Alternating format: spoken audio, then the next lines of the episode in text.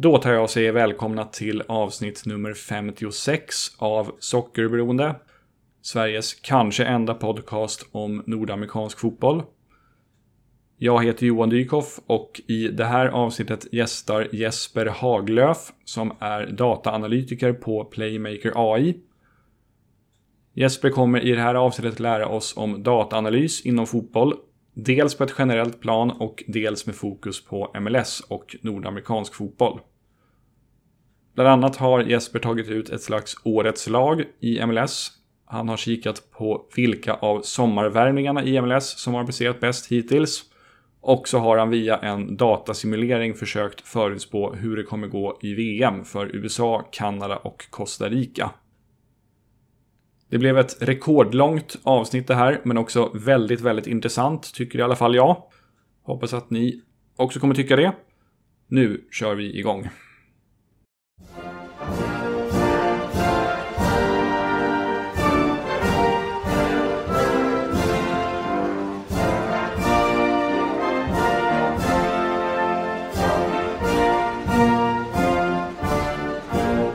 Till att börja med då, eftersom det här är en podcast om nordamerikansk fotboll så måste jag ju fråga vad du har för relation till MLS och nordamerikansk fotboll generellt.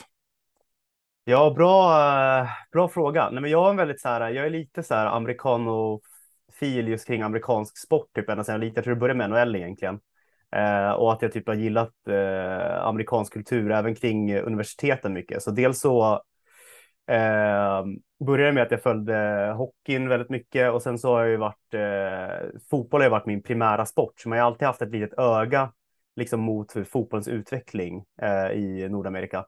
Sen så, så skulle jag säga att jag kanske inte la så mycket tid på MLS just sådär, med att man hade lite koll till jag när jag var jag var och pluggade i USA 2017, utbyte på min eh, master i eh, Salt Lake City och då mm. vet jag, började jag följa lite MLS och det var liksom många på universitetet som tyckte om fotboll så vi var och kollade på en MLS-match när Pirlo spelade i New York City borta mot eh, Salt Lake och Kyle Beckerman och mm. Nick Rimando spelade i Salt Lake var väl de största profilerna kanske. Mm.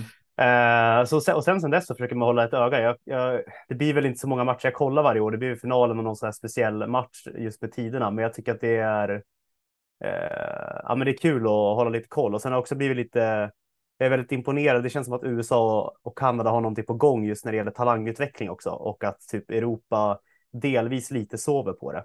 Uh, och så kan jag också ibland störa mig lite på det att det känns fortfarande, det, i alla fall i allsvenska rum, som att man snackar ner om MLS. Och så tänker jag, men MLS är en bättre liga än allsvenskan. Har ni inte koll på det? är, är, det är det din uppfattning? Alltså om man, om man går in på ditt arbete, att, alltså, kan, kan man utläsa det ur, din, ur er statistik, att MLS inom citationstecken är bättre än allsvenskan? Ja, det tycker jag. Det mm. tycker jag verkligen. Jag vet inte om du delar det här, men jag känner att det var kanske för ett gäng år sedan innan jag jobbade med data. Då kändes det mer som att allsvenskan kunde plocka spelare direkt från MLS och att en mer kanske icke-stjärna kunde gå mer in i, alltså från allsvenskan till MLS och göra ett mer uttryck. Men nu så har liksom MLS liksom fått in ännu bättre sydamerikaner. De får in liksom bättre europeer så att det är liksom svårt Eh, svårare för allsvenska spelare att gå in direkt och göra ett avtryck i eh, MLS. Nu har det gått ganska bra för en del ändå, men då måste man ändå vara på den övre hyllan i allsvenskan. Plus att eh, när, jag, när vi jobbar så upplevs det som att allsvenska klubbar kan inte värva från MLS. Liksom. Det är för bra, eller spelarna är inte intresserade, för, de är för bra. Så då är det snarare att man ska plocka från USL, liksom, där lönerna ändå kanske är lägre än allsvenskan. Eller plocka hem alltså, rejects från MLS, sådana som inte får speltid. Alltså typ eh, Giao i Degerfors och han har ju varit väldigt bra i Degerfors, men vad jag vet så fick inte han spela så mycket i Cincinnati där. Eh, men eh, ja, nej, men typ så. Så att eh, verkligen, det känns som att MLS, om man skulle ranka det mot Europa så kanske det inte är liksom på topp eh, 10 nivå, men det är väl jag skulle säga ändå att det kanske är strax bakom där, alltså om det skulle vara en europeisk liga, liksom. alltså att den skulle ligga eh, liksom runt Belgien, Skottland, mm. eh, registret. Typ. Det, det är min uppfattning. Ja. Eh, ja, men jag, jag håller med om mycket det du säger. Alltså, om man går tillbaka, låt säga 15 år i tiden, alltså så här ja. mitten på 00-talet, för då, då hände det ju, då var det en hel del MLS-spelare som gick till Norge och Danmark, alltså till och med ja. riktigt framstående. Om du, om du vet vem Michael Parkhurst är till exempel, en gammal landslagsförsvarare. Okay. Eh, han, han, jag tror att han vann Defender of the Year i MLS typ 2005 och sen ja. gick han till typ start året därpå. Ja, Ja. Och det, det hade ju inte hänt idag. Liksom. Nej, att, nej. att MLS bästa försvarare hade gått till ett mittenlag i Norge. Eh, Walker, Walker Zimmerman hade inte gått till eh, start. nej, eller, precis. Eller, eller, till liksom ett, eh, vad ska vi ta, IFK Göteborg eller mitt, mittenlag Mm. i allsvenskan. Så det har jag väldigt svårt att tro. Inte minst, han var ju faktiskt på provspel en gång och blivit nobbad. Och idag tjänar han, idag, han skrev nyss på ett, ett fyraårskontrakt värt 70 miljoner kronor. Så det var, det var, Ja. gans, det var ganska bra på honom att inte få kontakt med Blåvitt när han provtränade där kan man säga. Ja, men gud ja. Gud ja. Eh, du är ju Sirius-supporter, vet jag. Eh, och eh, på tal om allsvenskan. Och det har ju faktiskt varit ett gäng nordamerikanska spelare i Sirius på sista, ja men säg tio åren sådär. Ja. Är det några några av dem som du minns med särskild värme eller kanske särskild avsmak? Vad vet jag? Eh, bra fråga. Ehm, nej, men jag vet inte. Det var ju typ, eh, kom inte, eh, nu är han sig sen, men kom inte Mohamed Said direkt från MLS till Mm. eh, Sirius.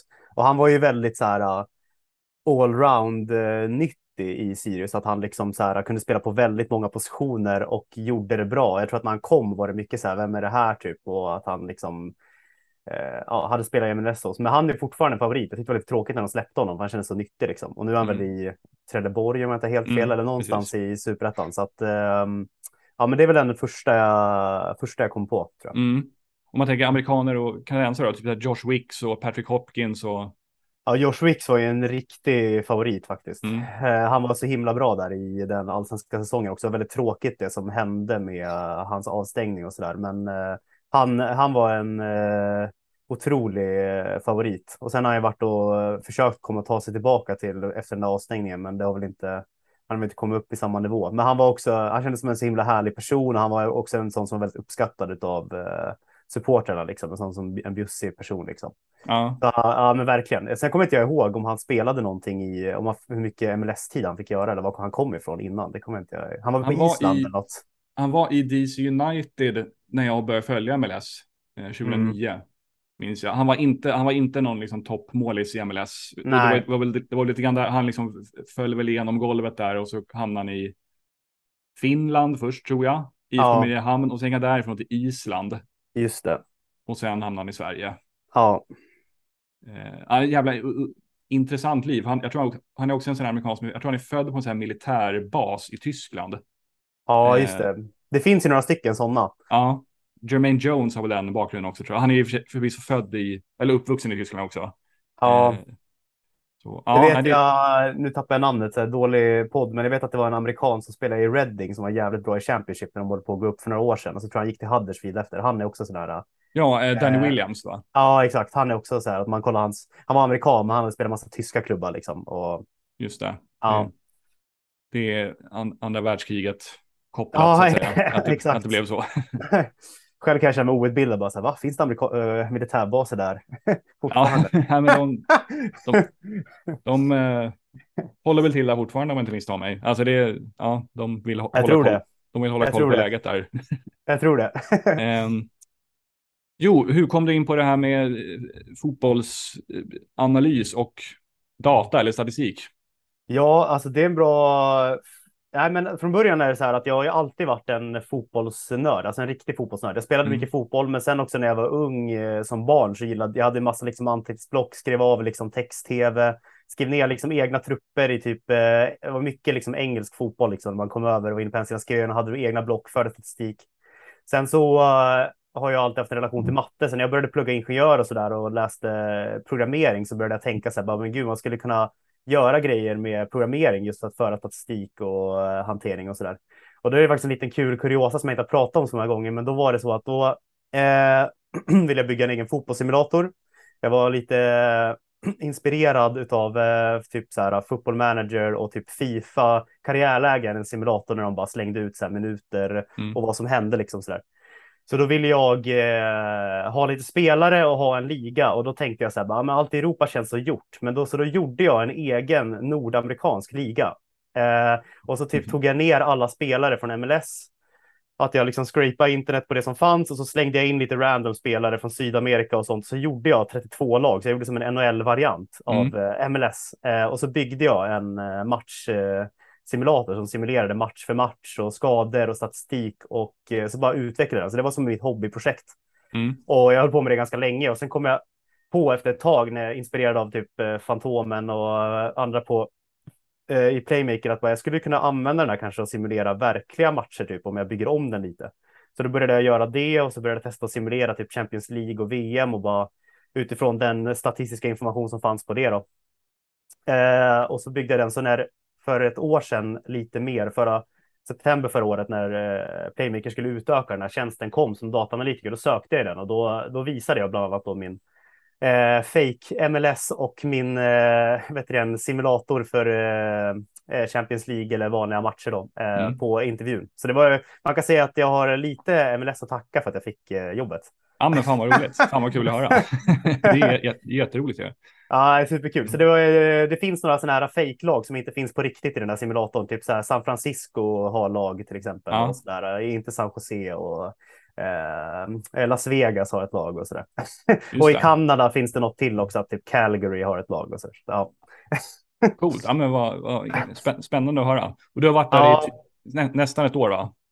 Ja, exakt. Det började i januari. Ja. Eh, så att eh, innan det har jag varit ingenjör på större bolag som, inom fordon och telekom och så där. Men sen i januari så jobbar jag som eh, dataanalytiker och eh, eh, med mycket med machine learning och, och så. Mm.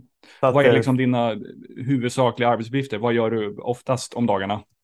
Uh, nej men jag sitter och utvecklar egentligen hela tiden. Jag har ganska få uh, möten. Jag har ingen direkt kundkontakt med de klubbarna vi jobbar med, utan det är det andra eh, som sköter. Däremot kan jag få sådär, liksom, eh, beställningar via våra säljare, liksom att de vill ha hjälp med något. Men annars är min huvuduppgift att jag ska utveckla våra algoritmer för att, ja men typ i våran Eh, ja, XG känner många till, men sen har vi andra modeller då för att typ eh, beräkna passningsspel och försvarsspel och så där. Så jag sitter och utvecklar dem och får dem liksom mer träffsäkra, men även försöker vara en hård kritiker till mig själv, liksom att typ testa dem och se liksom vilka spelare dyker upp eller vad fångar den här upp? Är den bra eller måste man justera den?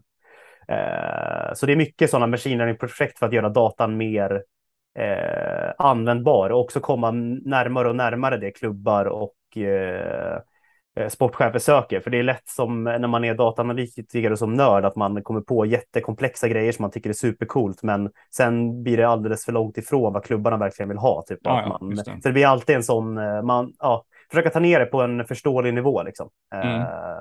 Så det, är, det är superkul. Så att, uh, jag sitter och programmerar egentligen. Jag har ett väldigt fritt jobb så att det passar rätt bra. Eller alltså, eftersom jag jobbar med datorn och så där så kan jag jobba lite var som helst, helst och vilka tider. Men såklart har vi mycket möten internt. Då, jag men vi är ett ganska litet bolag. Vi är ju sju eh, heltidsanställda tror jag. Mm. Ja, så det är ja, inte så många. Ja, jag förstår.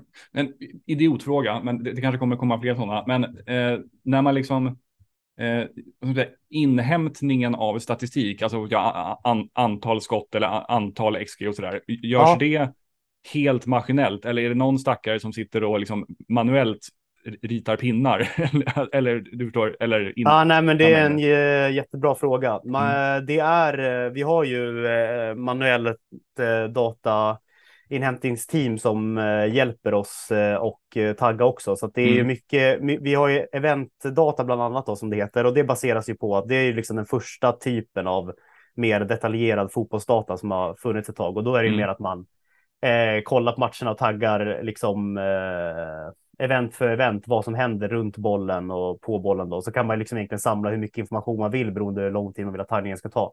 Mm. Sen har vi också då tracking data som ska försöka fånga upp linjer och hur spelare rör sig runt boll och så där. Och där är det väl en, en liksom eh, att eh, vi får in mer och mer värdefull trackingdata, men det finns fortfarande liksom eh, tekniska problem med att hantera video som vi som är på frammarsch. Så vi är liksom inte där att kunna ha full automat automatiserad videoupphämtning eh, liksom, mm. i, idag. Men det blir mer och mer eh, video. Då. Eh, men eh, vi, liksom, vi lutar oss fortfarande mot eh, den taggningen. Ja, okej, okay, jag förstår. Eh, som du varit inne på, det har väl liksom, det har liksom blivit mer så att säga, inne med statistik eller och mer liksom fördjupad statistik, typ så här expected goals och så här sista åren och ja. alltså, i tv-sändningar och så här. Och jag, jag har än så länge haft liksom lite svårt att fullt ut ta till mig det där, men, men jag, tycker, jag tycker att jag jag borde gilla sånt där, för dels gillar jag liksom så här konkreta siffror. Jag är utbildad ekonom, så det bidrar väl Ja. Eh, och jag liksom, här, här, siffror, objektiv fakta och har liksom otroligt svårt för bara så här löst tyckande. Ja. Och, och sen tycker jag också att eh, jag tänker mig att användarna av sån här statistik och liksom objektiv fakta borde kunna främja eh, att arbeta smart snarare än att bara liksom vräka ut pengar och hoppas på det bästa så där som man ibland ja. känner att, att vissa klubbar eh, ägnar sig åt. Exakt. Och kan du liksom beskriva vad du upplever är tjusningen med den här typen av som säga, fördjupad statistik och liksom analys av statistik som du och dina kollegor sysslar med? Men jag tycker att det är eh, alltså ett sätt att liksom objektivt eh, få värdering av spelare. Liksom. Mm. Att, eh, alltså alla vi människor är ju på något sätt subjektiva. Jag har min bild av vilka spelare som är bra. Du har en bild av liksom vilka spelare du gillar. Eh, men sen också liksom att för att vi, alltså dataanalys ska ju fortfarande vara en komplettering kring att också kolla video och att liksom vara på plats och eh, scouta. Men mm. ingen, mm. ingen scout kan se alla matcher liksom. Eh, och det går liksom inte heller att kanske ha ett minne som kommer ihåg allting korrekt. Men då istället om man kan jobba med ett underlag att objektivt då eh, som en klubb i allsvenskan hålla koll på typ så här fem, tio marknader runt som är rimligt att köpa och liksom få in dataunderlag utifrån vad man kommer behöva spela i nästa fönster. Att man vet att ja, men, eh, den här spelaren kommer vi förmodligen, Hammarby då, de kanske hade på känn att Bojanic kommer sticka liksom, men att då mm. de på eh, långt innan liksom kan leta efter en spelartyp som är lik honom i ligor där de har råd att plocka.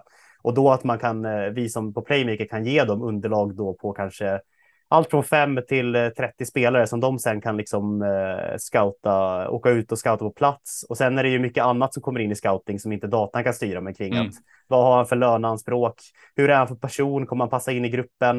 Eh, vad, liksom, vilket land är han ifrån? Hur lätt integreras han i vår kultur liksom och så där? Alltså det finns ju många eh, många aspekter och där är väl datan till för att få liksom ett mer effektivt eh, urval liksom, för att kunna hamna lite mer rätt. För mycket rekrytering är ju chans. Det är en aktiemarknad. Mm. Liksom. Man, man, spel, man, man, man värvar på spekulation, men kan vi med objektivitet i data dra ner den risken så är det väldigt mycket värt. Just det. Ja, intressant. Apropå Bayern, jag kommer att tänka på en grej. Det var, det var under deras superettanår. Då köpte de en spelare som hette Tobias Holmqvist, som var en anfallare från Helsingborg. Mm. Eh, han var då ganska ung, alltså 22 eller något sådär. Ja. Han hade inte varit speciellt bra i allsvenskan, men då tänkte vi att ah, om han kommer till superettan så kanske det liksom kan lossna för honom. Eh, vilket inte gjorde. Han var jättedålig även i Bayern.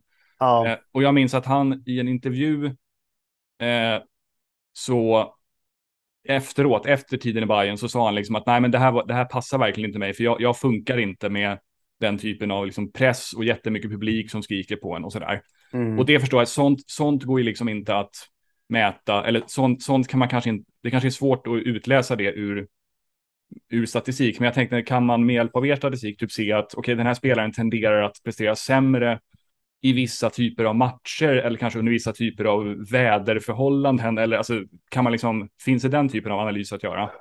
Ja, absolut, det gör det ju. Men jag, jag har inte samlat någon data på väder, men bara det är intressant. Däremot mm. tycker jag, däremot som en koefficient att typ mäta motståndarens förmåga i matcher och se liksom mm. en spelare hur väl den presterar mot vilken nivå av motstånd. Liksom, när gör den sina bra prestationer? Det är något som vi jobbar med eh, till exempel. Eh, men sen också, vi har ju faktiskt ett projekt på gång som eh, inte är fullt lanserat än, men där vi också jobbar med att försöka eh, mäta de mjuka värdena. Att, mm. För i, i företag, kanske på ditt företag, men i stora företag så jobbar man ju mycket med att man rekryterar mot person, personlighetsprofil och försöker mm. liksom få en bättre förståelse av vilken person det är man får in i gruppen. Så det är liksom ett projekt att vi jobbar med de som kan det eh, superbra en kille på företaget som är utbildad just inom eh, konditionsvetenskap och så där. Att man liksom ah, okay. kan få göra profiler just på eh, personlighetstypen också så man vet liksom vad är det för spelare vi tar in i gruppen? Liksom, hur passar han in? Eller vad, är, vad behöver han? Liksom? Just för att också kunna minimera det. Och då kommer det också in kanske hur en spelare agerar under eh, press eller hur mm. man hanterar stress till exempel. Sen är det klart, det finns fortfarande liksom risker och felmarginaler med det också, men då kommer man kanske ännu lite närmare och så kan man utveckla det med sikt. Så att det där med mjuka är något som vi eh, jobbar med liksom, som nästa steg. Ja, men spännande. För jag, just, för jag tänker liksom att stora klubbar med liksom bra ekonomi, de har ju säkert råd att göra något så här, så här vad ska man säga, psykologisk utvärdering av ja, potentiella nyförvärv. Bayern kunde ju inte det då, för de lirade i superettan och kunde liksom nätt betala elräkningarna. Så det var, det var liksom inte aktuellt att göra någon sån utvärdering av Tobias Holmqvist. Men det, det slog mig verkligen att hade man hade man gjort liksom en ordentlig check på honom inför eh, mm. den här värvningen så hade man kanske landat i att nej men han är liksom inte riktigt bayern material Han ska spela nej. i Trelleborg eller klubbar av den typen för han fixar inte att 12 000 arga bajare står och skriker på honom liksom. Nej, precis, precis. Uh, ja, när det är en utmaning. Det är också en annan utmaning är ju uh, som lite då i Tobias Holmqvist fallet att hur scoutar man en spelare som inte har spelat någonting? Precis, just det. Uh, och då är det ju så här, man kan ju verkligen, om en spelare har hållit på länge, då kan man ju eh, kolla på data i olika klubbar och det är egentligen intressant vilket som. Det finns ett klockrent exempel i år bara på Daniel Stensson som Sirius värvat till exempel, att han mm. hade liksom en väldigt så här, spelfördelande profil i GIF Sundsvall i superettan. För att de spelade liksom mer offensivt, hade mer boll. Medan hans eh, profil i eh, allsvenskan blev liksom lite mer eh, bollvinnande och det var det han stack ut på. Och det är för att han var ju fortfarande bra på det, men Sundsvall hade ju mycket mindre boll. Man är svårare att behålla det, så han mm. liksom löser inte i eh, passningsstatistik på samma sätt. Hade man bara kollat på honom under allsvensk året hade man kanske blivit lurad. Så det är viktigt att kolla liksom under en längre tid, för det spelar ju roll då liksom vart, var, vart har laget varit i serien, men också vilket lag han spelar i. För då sen när han flyttade till Sirius då, då såg man att då kommer ju de här superettan-egenskaperna fram igen. Mm. Och det hade ju Sirius eh, säkert koll på, för de hade gjort den läxan liksom. Just det. Eh, och eh, då, då, fick han ju spela i ett lag som var lite bättre än Giffarna och som eh, eh, hade en annan filosofi, eller ja, Sundsvall kanske försökte rulla boll också, men eh, Sirius är ju bättre på det i alla fall. Mm. Så att, eh, då fick han ju liksom vara mer den spelfördelande typen.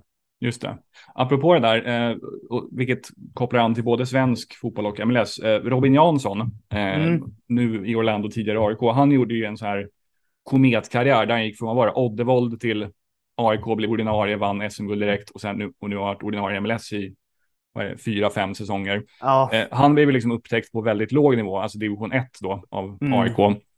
Eh, och om en spelare presterar bra, låt säga superettan eller till och med ettan, eh, det är inte alla som presterar bra där som sen levererar på högre nivå, men vad kan man liksom titta på där för att dra slutsatsen att jo, men han borde kunna eh, leverera även på nästa nivå. Typ ja, Viktor Edvard känner ett annat exempel. Och ja. kan man liksom gräva djupare för att förutse hur bra han skulle prestera i, på en högre nivå? Ja, det, det är också intressant. Vi, det är något som jag försöker förbättra mer och mm. mer, men man kan ju kolla på det på olika sätt. Dels skulle jag säga att kontinuitet är viktigt. Om man ser att en spelare levererat på eh, den nivån då, se division 1 ganska länge och inte, för ibland med unga spelare kan det vara att de har gjort fem bra matcher, så liksom värmer man på spekulation. Men fem matcher, liksom, vilka har de mött? Eh, var ni bra stim? Det är väldigt lite att basera på, det är väldigt mycket risk. Sen kan man också kolla på om det är en spelare som har klättrat då några nivåer, att han först spelade division 1, sen har han klarat transition till superettan rätt bra. Då kan man ju eh, kanske liksom anta att han kommer klara nästa steg bra också. Mm.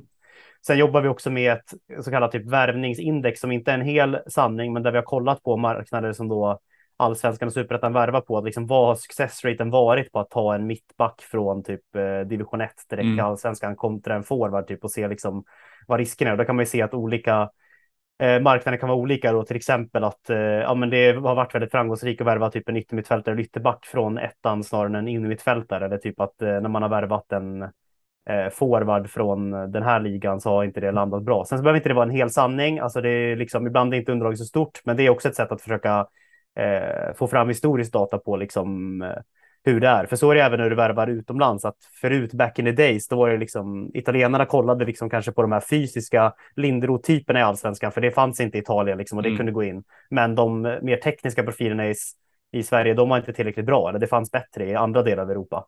Och nu kanske det inte är den bilden längre riktigt, utan nu kanske det är eh, andra spelartyper som Sverige är så duktiga på att få fram just tekniska yttrar och typ offensiva mittfältare. Men eh, men, eh, ja, men så är det ju liksom att eh, man, vissa spelarprofiler kan passa bättre eh, just för moven. Då. Ja, just det. Och ifall Playmaker AI hade funnits i början eller mitten av 00-talet, hade ni kunnat förutse att det inte skulle bli något av Freddy Adu, tror du? ja, det... Nej, jag tror inte det. Han var ju så himla lovande. Däremot så finns det ju så här, men det är så sjukt svårt att spekulera på, för vi har inte riktigt den data, men ibland så eh, kan jag tänka att det finns de spelarna som kommer fram som är väldigt så här, fysiskt utvecklade väldigt tidigt. Och då kan man ju se att typ att det är en 17-åring, men han är typ fysiskt på den nivån som andra är när de är 22 typ. Mm. Och då finns det sådana här tendenser ibland att de spelarna kan pika tidigare. Det kan vara spelare också som är väldigt snabba, men så tappar de sin snabbhet och faller. Så där är det typ så här, där, det kan jag tänka mig ibland när det kommer fram just en del så här unga Freddie Adu-typer som är väldigt fysiska. Eh, jag vet att jag tänkte det typ så här med Gustav Engvall som spelade i Belgien nu när han var i Göteborg, var typ 18 men såg ut som typ 24 och var mm. alltså jättestark. Eh, han har väl fått en hyfsad karriär, men så vet jag också typ som Rooney Budgie nu som är 16, liksom men också jättevälutvecklad, alltså tidigt typ så här hur kommer men, men man vet aldrig. Det kan lika gärna gå fortsätta bara gå jättebra liksom. Men mm. eh, vi, man utvecklas ju fysiologiskt olika liksom. Men eh, vi för ingen fysiologisk data på Playmaker AI. Sen vet jag att en del så här klubbar och sånt, typ som eh, Red, Red Bull har jag hört att de typ gör, tar sjukt mycket fysiska tester på sina spelare. Mm. Vet, mhm. med, och försöker liksom lära sig något av det. Liksom. Men, men eh, ja, vi, vi har ingen sån fysiologisk eh, data. Liksom. Nej, intressant. Jag, jag, kan rekommendera faktiskt att kolla. Det finns rätt in, bra med så highlights compilations på Freddy Adu uppe på YouTube. Från liksom när han var 18-20 och spelade så här amerikanska landslaget och U-landslaget. Alltså det, man ser ändå att alltså, fysiken var en aspekt som gjorde honom bra, men han har, han har också en jävla vänsterdoja. Ja. Och liksom så här, snabb med boll, bra på liksom, täcka boll för försvararna. Så, här, så han hade absolut någonting, men jag tror att det är mycket i skallen som det har berott på att han hade inte något där. Det, det jag också reflekterat över med honom var, apropå det här med mjuka värden, är att om man som jag har följt amerikansk fotboll länge så eh, har man hört en och annan intervju med honom. Och han säger, sam han har liksom sagt liknande saker i intervjuer i 10-12 år. Här, ah, jag var kanske lite ung och dum och naiv när jag var yngre, men nu, nu har jag lärt mig. Nu ska jag liksom ta fotbollen på allvar och ja. fokusera och vara professionell. Det sa han såväl så här 20, 2014 när han hade gjort klart med någon turkisk klubb som när han kom till Österlen förra ja, året. Liksom. Exakt, exakt. Jag kommer ihåg exakt den intervjun med Österlen. Men just med projektion av kurvor och karriär så är det ändå något som vi inte kopplat till då kanske till det fysiska var inne på, men däremot försöker mm. vi alltid liksom att om man kollar på en spelare som är liksom på en nivå enligt våra databetyg när den är 17, eh, så kan man ju liksom projicera eh, spelarens kurva utifrån hur spelare historiskt liksom har eh, eh, liksom utvecklats eller hur spelare har presterat i olika åldrar. Då kan man ju liksom mm. göra pro projicering av karriären just för att se liksom vilken nivå kommer den att komma till. Och då vet jag till exempel att Jardel Kanga som är Bayer Leverkusens typ U19-lag mm. eller eh, någon får rätta mig om jag har fel om han spelar i Bayer Leverkusen B eller något sånt där nu. Men eh, han är ju född 05 och han har ju en sån här hiskelig kurva att han mm. kommer bli en framtida landslagsstjärna. Men eh, så vi, ja, vi får se. spännande, spännande. Mm. Um, då ska vi se. Vi kan, om vi går över till MLS igen. Då, du, har, du beskrev ju att du har liksom, ja men du har um, ändå varit liksom hyfsat insatt i, insatt i MLS och dess statistik. Så ni, eh, MLS är en av, de, en av de ligor som ni så att säga har statistikunderlag på då. Eh, ja, jag. Eh, exakt. Mm. Och det har vi har egentligen även... vi, ja, har typ haft det, vi har typ haft det egentligen sedan starten för att eh, innan mm. jag kom in så jobbade Playmaker med Columbus Crew faktiskt. Ah. Eh, när Greg Beerholt var där. Eh, så, och Engelmark om jag inte säger mm, fel. Andreas, var, ja, så, så då eh, var han där och hjälpte lite med scouting och värdering av spelare och så. Mm. Eh, så det är lite kul. Det finns också en väldigt kuriosa historia som är väldigt rolig när Greg Beerholter då ska mejla och ta fel mejl så han tror att han skickar till Ola Kamara, men han skickar ett mejl till eh, Fantomen, eh, ja. Ola Playmaker med instruktioner för nästa match. Bara. Det här ska du göra på fasta. Eh, det här är våra anfallsinstruktioner. Så det är så här lite rolig grej som vi brukar skratta åt ibland när Hi Ola, please uh, find your instructions for the upcoming game uh, against uh, eh, DC United. så då sålde ni dem till DC United-tränaren, eller? ja, precis. precis. ja, men så kan det bli med mejl ibland, du vet. Man, ja, verkligen. Ja, men, men lite verkligen. för snabb. jo, det känner man igen från, från egna jobbet att man har fått, eller kanske hoppas inte skickat, men fått i alla fall mejl som skulle till någon annan. ja, exakt, exakt. Eh. Ehm, men så nu, eh, och sen så också det, har det varit eh, med att vi har också jobbat med en del liksom, agenturer och sånt och då har det varit mm. spelare som har varit liksom rört sig mellan eh, ligorna och så. Eh, och jag vet att jag vet att Sundsvall till exempel har ju vi hjälper inte dem direkt med liksom scoutingtips, men de har ju vår plattform, så jag mm. hoppas mm. ju att de var inne på typ U, alltså USL på vår plattform och kollade på typ eh, Damo innan de plockade honom. Just att de baserar datan. Jag vet inte, jag, eh, just Damo när de värvade honom, han hade ju otroligt fin säsong i USL, så jag väntar ju liksom lite på att han ska han var väl helt okej okay när han fick spela i år i allsvenskan, men det var ju sån här, det är en sån här spelare som jag tyckte var lite spännande att se om han liksom kan göra det bra i Sverige. Mm. Lite, jag får lite känsla av att, att han är lite fladdrig och Ja, ojämn sådär. Men det känns, skulle han liksom lägga på sig lite muskler och kanske få, bli lite mer taktisk ripa, skulle han, han skulle lätt kunna göra liksom 17 mål i superettan nästa säsong. Eller så. ja, men det är det jag tänker. Superettan kanske är mer eh, en bra nivå om han stannar kvar. Mm. Att det är där kanske han kan eh, få till målskyttet. Eh, ja, nej, men vi får se. Ni, man får hålla utkik. Ja, absolut. Så USL-ligorna finns också. Eh, Jajamän. och ja. Jajamän. Men om vi håller oss till MLS då, så har du tagit ut ett årets lag eh, med hjälp av er mjukvara. Och jag Yes. ska, för, jag ska vad säger man? Eh, nu är det upp till bevis för mig här och se om ifall min, jag, jag ska helt enkelt gissa vilket som är årets lag enligt er, Ja, enligt era siffror. det här, blir, jag, det här blir spännande. ja, verkligen. och, och vi bestämde oss för uppställningen 4-3-1-2. ja. Ska vi göra så att jag, ska vi ta det lag för lagdel eller ska vi ta det, ska jag rabbla hela mitt och sen, eller vad tror du är bäst? Spelar Jag tror vi börjar, börjar bakifrån, börjar med målvakt och sen kan Yes. vi ta till backlinje och sen mittfält så kan jag liksom säga hur många rätt du har. Ja. Eh, Då börjar vi med, back, med målis och backlinje då. Eh, målisen tyckte jag kändes enkelt för det var, där har jag Andre Blake som vi fick Goalkeeper of the Year-utmärkelsen. Eh, och sen backlinjen från höger. Backlinjen var svår. Där, där landar jag på eh, Brooks Lennon från Atlanta till höger. Och sen mittbackarna har jag Jakob Glesnes från Philadelphia som vi fick Defender of the Year-utmärkelsen. Alexander Kajens från New York City FC och sen Kai Wagner till vänster som vi gjorde de så här 15 assists eller någonting. Det, det, båda ytterbackarna gjorde mycket poäng och jag tänker att det kanske är värdefullt. Eh, så låt, låt höra. Ja, ja, intressant. Andrew Blake är helt rätt. Det, Han är ju faktiskt, eh, när vi mäter shot stopping, sätter XG för målvakten så är han eh, överläg, ganska överlägsen etta faktiskt. Så Mm. han är ju ja, en väldigt bra, väldigt bra målvakt. Han är jamaican så vi får inte se han i VM, men eh, ja, det, det hade varit något. Mm. Sen, ba sen eh, backlinjen där, Brooks Lennon hade du till höger, han är faktiskt inte med. Han var, Mm. Jag vet att han var med typ tvåa, trea bland högerbackar, men faktiskt på högerbacksbetyget var, eller högerback var en av de svåraste positionerna, det var Mm. ingen som hade liksom riktiga toppbetyg om man jämför liksom med vad andra positioner, att typ att det behöver inte betyda att det var någon dålig högerback, men liksom där var det ingen så här superlysande stjärna. Jag vet inte om du håller med, men Mm. den som hade bäst betyg var faktiskt Julian Araujo Ja. i Galaxy. Han var mitt tredje val där. Eh, han är ganska ung, eller hur? också? Alltså, typ, 2021 typ. Ja. ja. Sen mittbackar så är det han Kajens och sen är det Walker Zimmerman som har Ja. högsta betygen. Mm. Eh, Glesnes var kanske så här fyra, fem. Han var också med alltså högt upp, men Mm. han, var, han gjorde, klarade inte katten. Och sen eh, Kai Wagner var faktiskt inte med. Jag kommer inte ihåg exakt hur det såg ut på vänsterbacken, men han som var högst upp var faktiskt Alvaro Barreal i Cincinnati. Oj, den var otippad. Ja.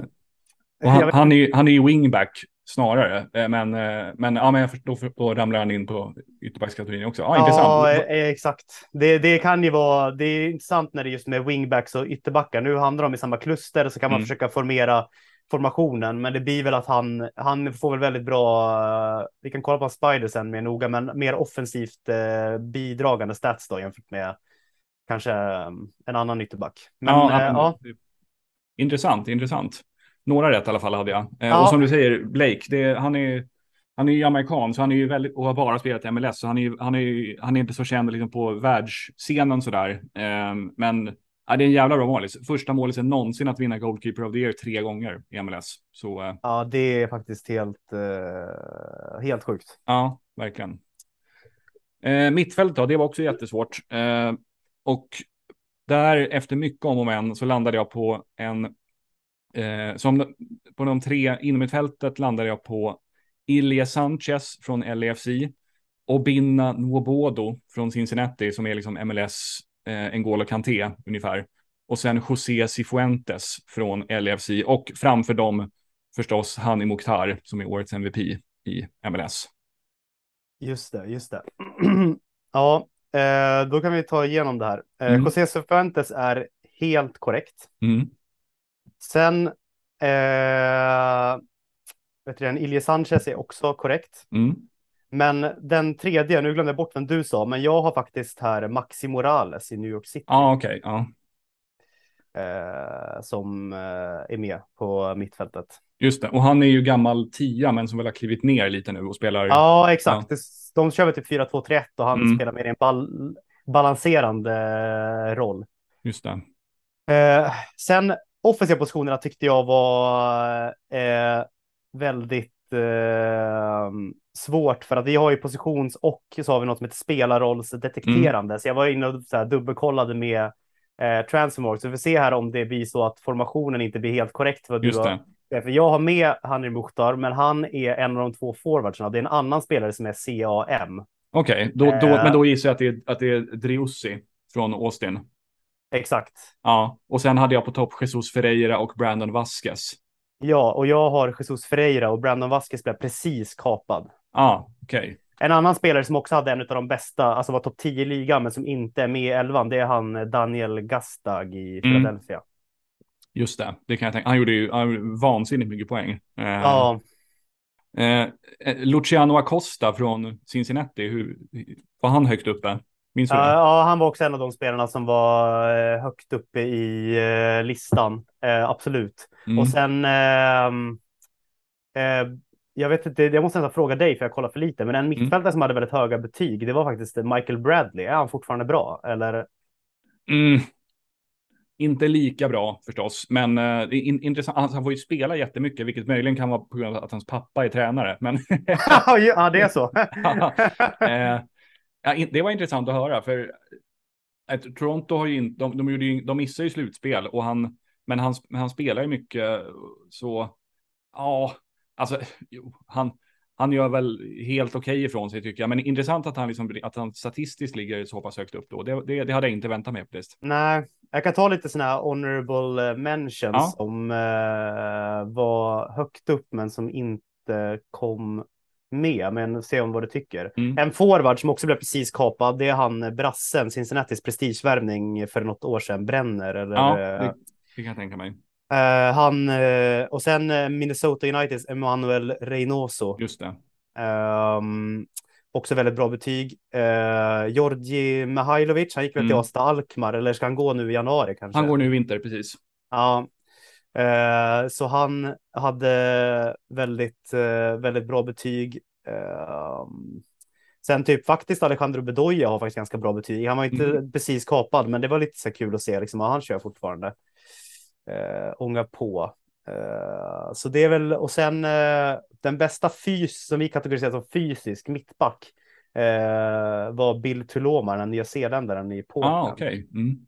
Eh, och sen en annan spelare som eh, jag försökte kolla nu i slutspelet, men jag såg inte att han hade spelat så mycket, men jag kanske missade. Men en amerikan i Los Angeles, Ryan Hollingshead. balans- Deras högerback. Eh, han Ehm. kom dit inför i år, har tidigare spelat i Dallas, där han dock var vänsterback huvudsakligen. Okej, men var han på, missade jag honom i slutspelet eller har han varit skadad eller petad på slutet? Eller? Eh, han, han spelade i finalen, han, han var en av de som, som, som Ah, satte, satte straffar. Eh, just det, just det, just det, just det. Eh, så han, jo, han, har, han har varit ordinarie när han har spelat, men han, han är ganska så, han är rätt så, vad ska man säga, eh, lite, lite så profillös eh, högerback, Ja. syns inte speciellt mycket, förutom Nej. att han har en väldigt framträdande mustasch. Men Ja, men jag, jag känner igen hans, eh, alltså jag har ju koll lite grann på honom också, för han är väl en sån som har spelat i MLS ett tag. Jag är rätt säker på att han var med i min, liksom så här, när jag scrapar ner alla MLS-spelare för mm, ja, men det stämmer. fem, det sex stämmer. år sedan, att han spelade kanske i annat lag då, men att Dallas, han, ja, precis. Ja, han är 31 så att ja, han, eh,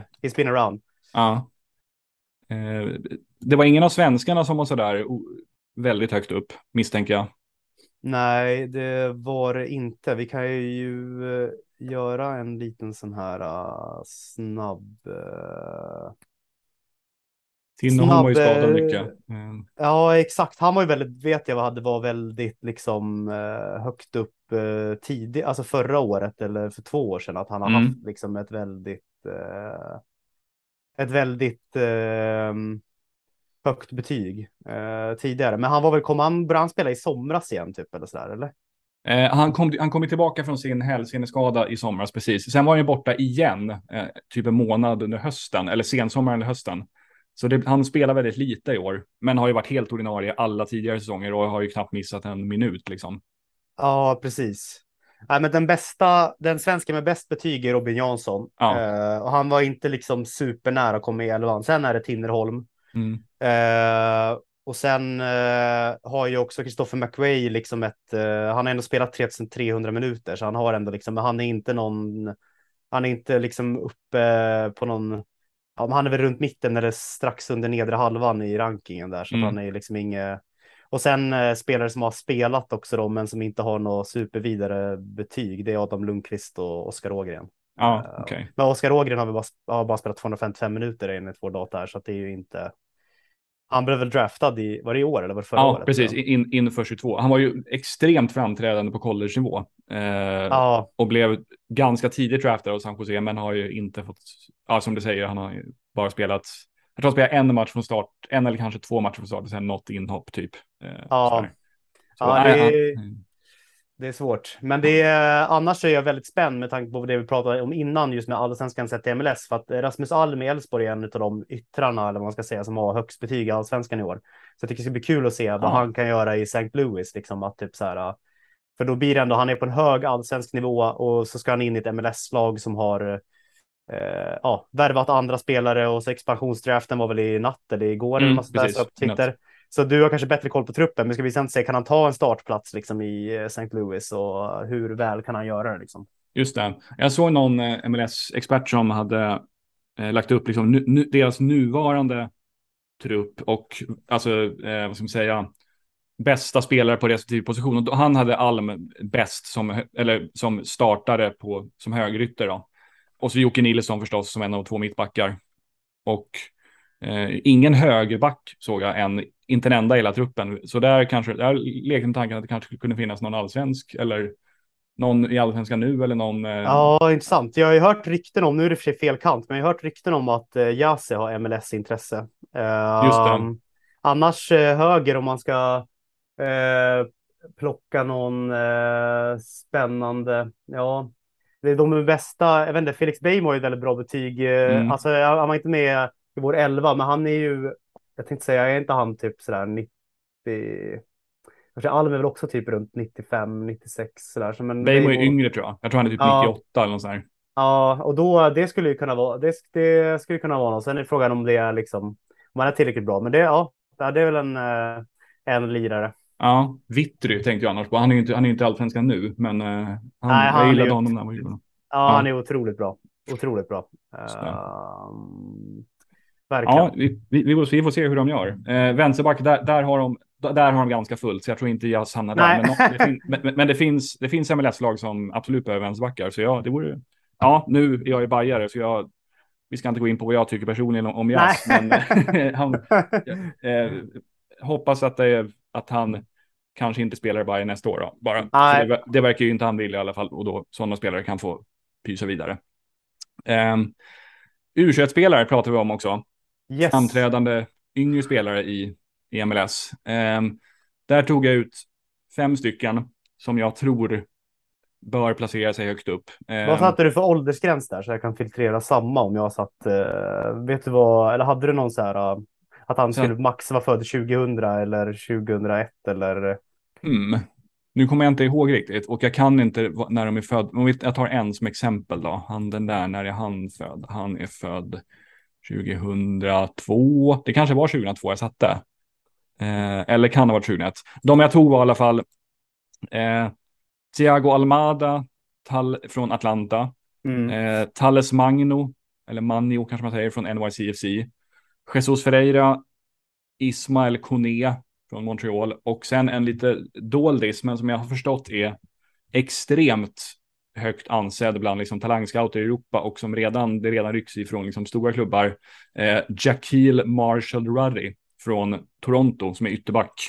Lite, lite, nästan lite så Alfonso Davis fast på andra kanten. Eh, jag tror han är född 2004 eller 2005. Ja, där. hade med 2004. Jag har Ja. har topp 20 uppe här och alla du nämnde är ju med på topp Mm. 20-listan. Nu satte jag 2001 för att Thiago Almada som du, värm- som du nämnde först. Han är ju, ehm, det beror på, nu har jag satt en väldigt låg minutfiltrering här, men han, Mm. är ju, han är ju nummer tre i den här listan. Men de två som ligger över honom har spelat mindre, så man skulle ju kunna hävda att han egentligen är nummer ett. Han har ju spelat väldigt mycket. Mm.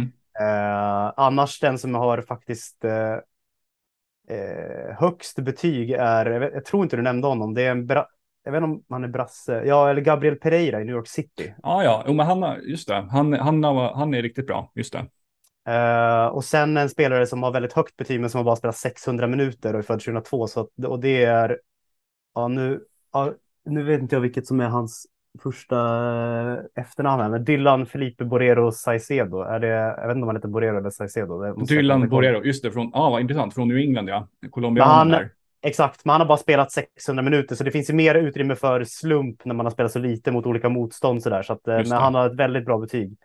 Annars de som har spelat väldigt mycket som har eh, ändå bra betyg här är Allan Velasco i Dallas. Mm. Eh, han värvades inför den här säsongen, eller var det förra Japp. säsongen? In, in- inför i år, ja, precis. För eh, Ehm, han är Ricardo ju, Pepi-pengarna la de på just honom. det. Och han är ju bara 20 så det här kan ju vara liksom en framtida eh, export liksom. Mm. Eh, sen eh, en ghanes här, eh, Kwadwo Opoku, eller han kanske har Mm. dubbla medborgarskap, men han har ju väldigt bra. Han har ju spelat nästan 2000 minuter, så det är väldigt, eh, väldigt mycket. Mm. Eh, du nämnde Itales Magno, han är med här uppe. Ehm, sen eh, vad vi kan ju ha lite kanske framtida amerikanska landslagsspelare här. Vi har ju eh, Ben Bender i Charlotte Ja, eh, som vi inte nämnde här. Han är ju 21. Sen också en kille som jag har fått upp ögonen lite grann för YouTube-videos men som är född 2003 på sommaren, Jack McLinn i Philadelphia. mm, han kommer från deras akademi.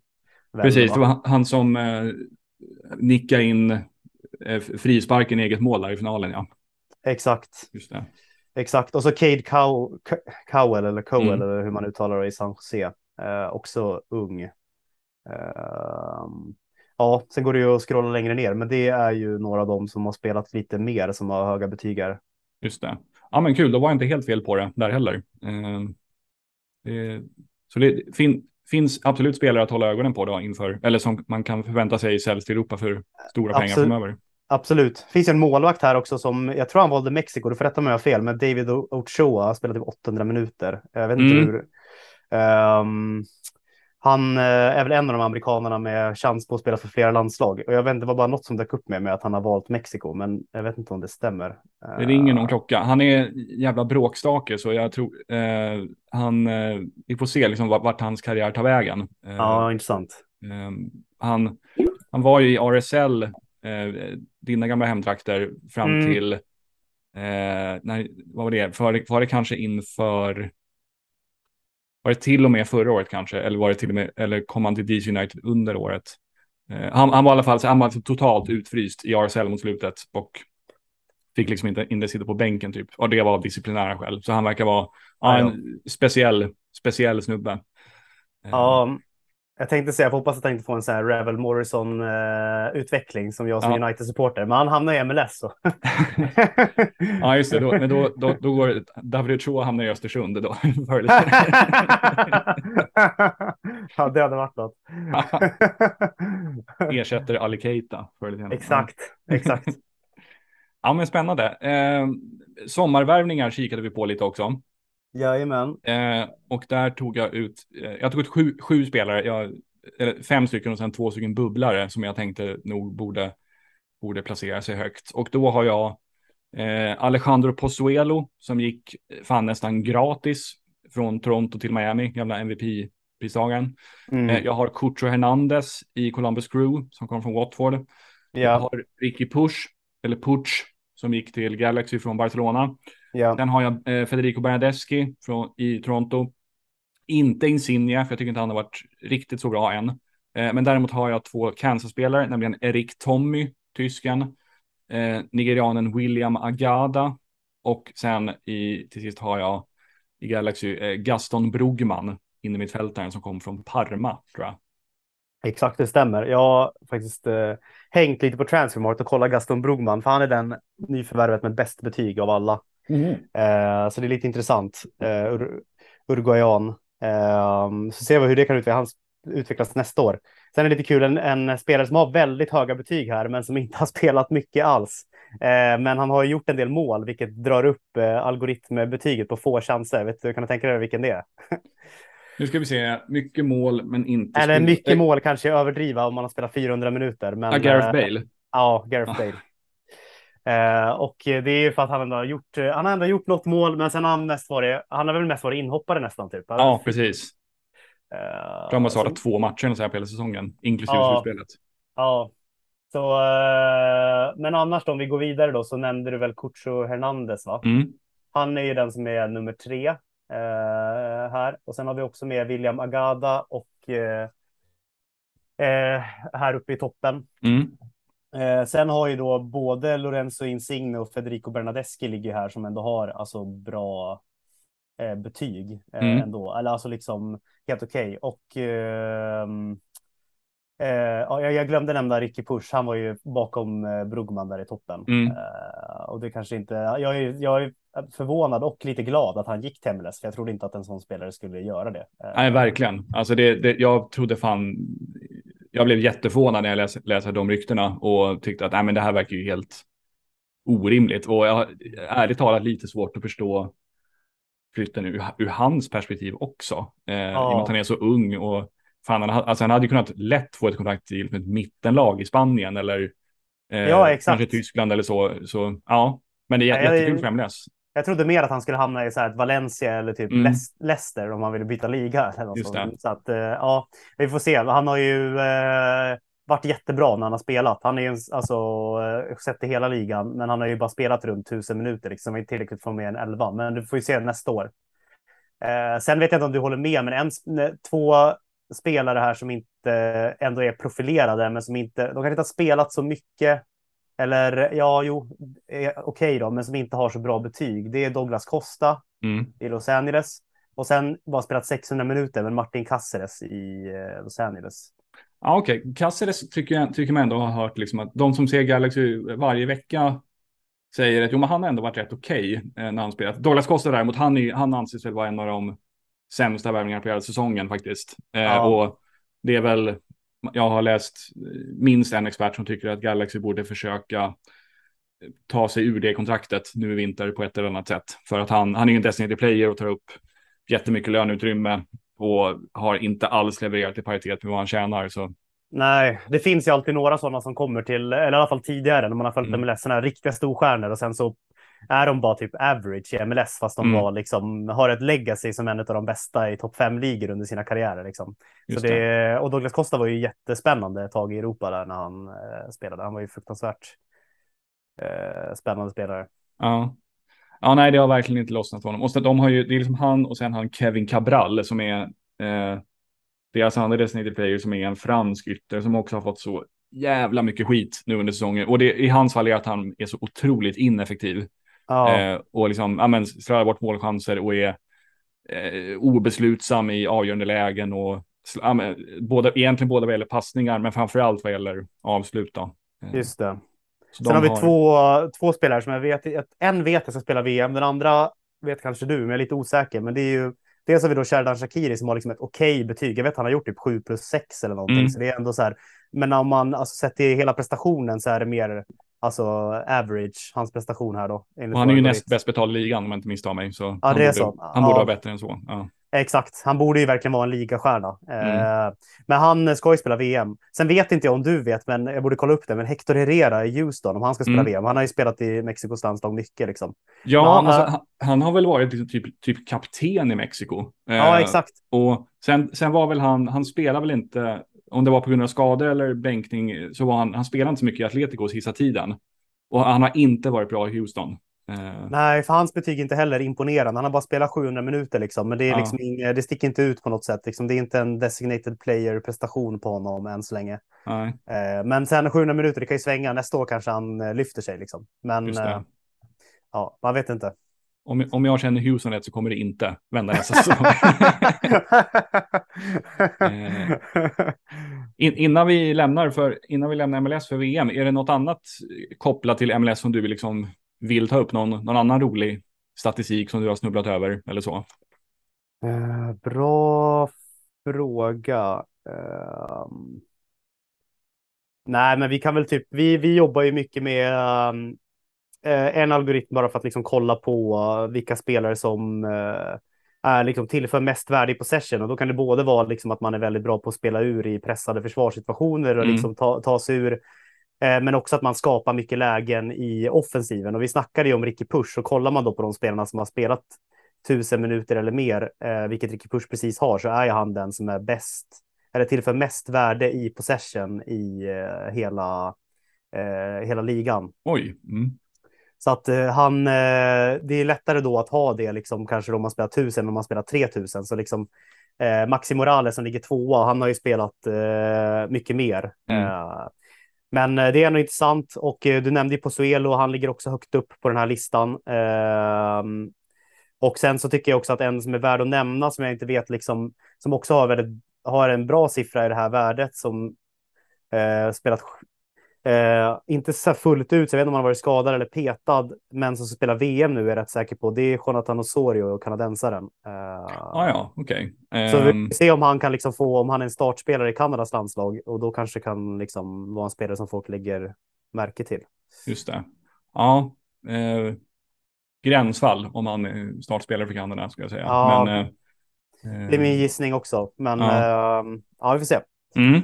Eh, en grej som jag tänkte på, du frågade mig om, eh, om det var någon särskild spelare som jag ville se en så här spider på. Då nämnde jag Carles Hill från New England som var förra årets MVP-pristagare i MLS. Mm, mm. Jag kommer publicera den spidern tillsammans med länken till det här avsnittet. Eh, för de som inte är så bekanta med sådana här eh, spiders, kan du liksom förklara vad kan man utläsa av eller om Carles Hill baserat ja. på den här spidern? Jättebra fråga. Äh, men vi, vi jobbar ju med lite olika spiders. Vi har ju en mer så här, äh, klassisk som klumpar ihop bara i mittfält, anfall, försvar. Där mm. är liksom våra AI-algoritmer som liksom räknar ihop ett gemensamt betyg för olika klassiska egenskaper. Så den ska liksom vara lätt för oavsett vem som eh, hur mycket erfarenhet man har av dataanalys att liksom ändå få någon form av bild av. Men sen mm. är den inte så detaljerad när det är passningsspel. Vad för sorts av passningsspel? Sen har vi då den jag skickar till dig som är mer en sån här där vi har slängt in lite mer eh, olika kopior som vi kallar det då, som specifikt för position. Mm. Så i eh, Carles eh, då, då kan man ju till exempel se då längst upp, eh, 12 klockan dit man anfaller, att han eh, när det gäller finishing och då eh, hur många mål han har gjort per 90 och han har inte gjort så många, så många mål och finishing det är egentligen ett värde för hur bra man tar hand om sina chanser. Så att om du har ett XG, överpresterar XG, och desto högre XG du har, desto mer överpresterar, desto bättre betyg får du. Och mm. Eh, har du liksom att skulle du ha gjort fem mål men gjorde noll, då har du ett väldigt dåligt finishingbetyg eh, till exempel. Då. Eh, och eh, sen då så eh, kanske algoritmer då som är liksom lite svårare att förstå om man läser den här kartan så har vi till exempel XT passes och mm. XT carries och det är liksom då ett mått på hur mycket man eh, öka sannolikheten för att laget ska göra mål senare i possession eller bollinnehavskedjan med sina aktioner. Och mm. passes står för passningar och carries står för drivningar av bollen eller dribblingar. Eh, och eh, där är ju eh, Schill en av de bästa i ligan mm. även i år. Eh, och det syns ju på Spiden. Han har också då väldigt mycket eh, FT 90, det är då final third entries. Det betyder att han för in bollen i sista tredjedel på ett väldigt framgångsrikt sätt, liksom mm. att han gör det i rätt skede och lyckas göra det. Eh, sen lite andra som kanske är lite konstiga som man inte förstår vid första anblick så har vi till exempel då average patch area och det är då ett mått på hur mycket han springer över plan, alltså hur mycket yta han täcker. Mm. Eh, och man, det var ju liksom, man skojade om att eh, 40 of the earth is covered by eller seven, eh, ja, by countries eller vad man säger och sen rest is covered by N'Golo Kanté och det är liksom N'Golo Kanté är ju liksom eh, hans prime var ju liksom, han ligger i topp i sådana mått och Carles Schill är ju en sån som är klart över den average mittfältaren så han springer väldigt mycket då. Just Sen det. de andra tror jag att man är ganska lite mer intuitiva då. Ja. Men det här är i grunden är de här gjorda så att eh, desto längre ut man är på skalan, desto uh, dels är man liksom eh, väldigt hög. Om man är längst ut så är man en av de bästa i ligan, alltså man är verkligen topp topp procent. Är man längst in så är man eh, långt ner. Men sen mm. behöver det inte betyda, alltså det, nödvändigtvis är det inte så att om den hela den här är röd så är det liksom best player ever, utan det beskriver också lite vad spelaren gör. Alltså om du ligger långt mm. in, om man ser på exempel Schill som ligger väldigt långt in på interceptions, alltså när han snor motståndarens passningar eller luftdueller så betyder inte det att han nödvändigtvis är dålig, utan det, man kan nog mer tolka det som att han används inte för det. Interceptions, ska, så han liksom är kanske inte lika aktiv i pressspelet och headers är det nog mer att han är inte liksom en luftspelare då. Eh, så det behöver inte, man, man får vara försiktig där med att säga liksom att en spelare bara, men han är inte så bra på det defensiva, för det kan också vara liksom hur eh, New England väljer att använda honom. Just det. Det, kan, det... Det, man, det skulle kunna vara så att en ytterback faktiskt är en ganska bra avslutare, men han kommer aldrig i avslutslägen, typ.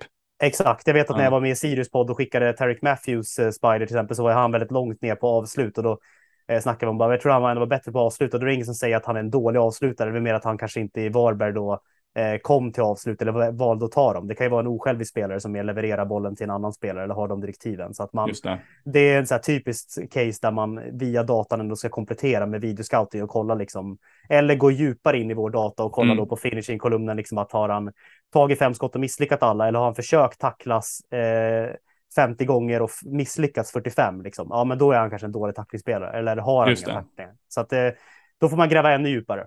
Ja, Intressant. Fan, du gör ett bra jobb med att övertyga mig om den här, den här typen av. Måste jag säga. Det är jättespännande. Ja, tack, tack, tack. eh, ska vi gå över på landslagen och VM då innan vi, innan vi rundar av? Eh, ja. Eh, är du redo med det eller behöver du några minuter för att få fram siffrorna? Jag ska bara läsa in dem i eh, två minuter här så att vi yes. får eh, datan. Men det är snart redo. Men jag är, nej, men jag är väldigt eh, taggad. Jag, jag, nu när Sverige inte är med så kan jag ju faktiskt helt ärligt säga att Kanada är mitt lag. Mm.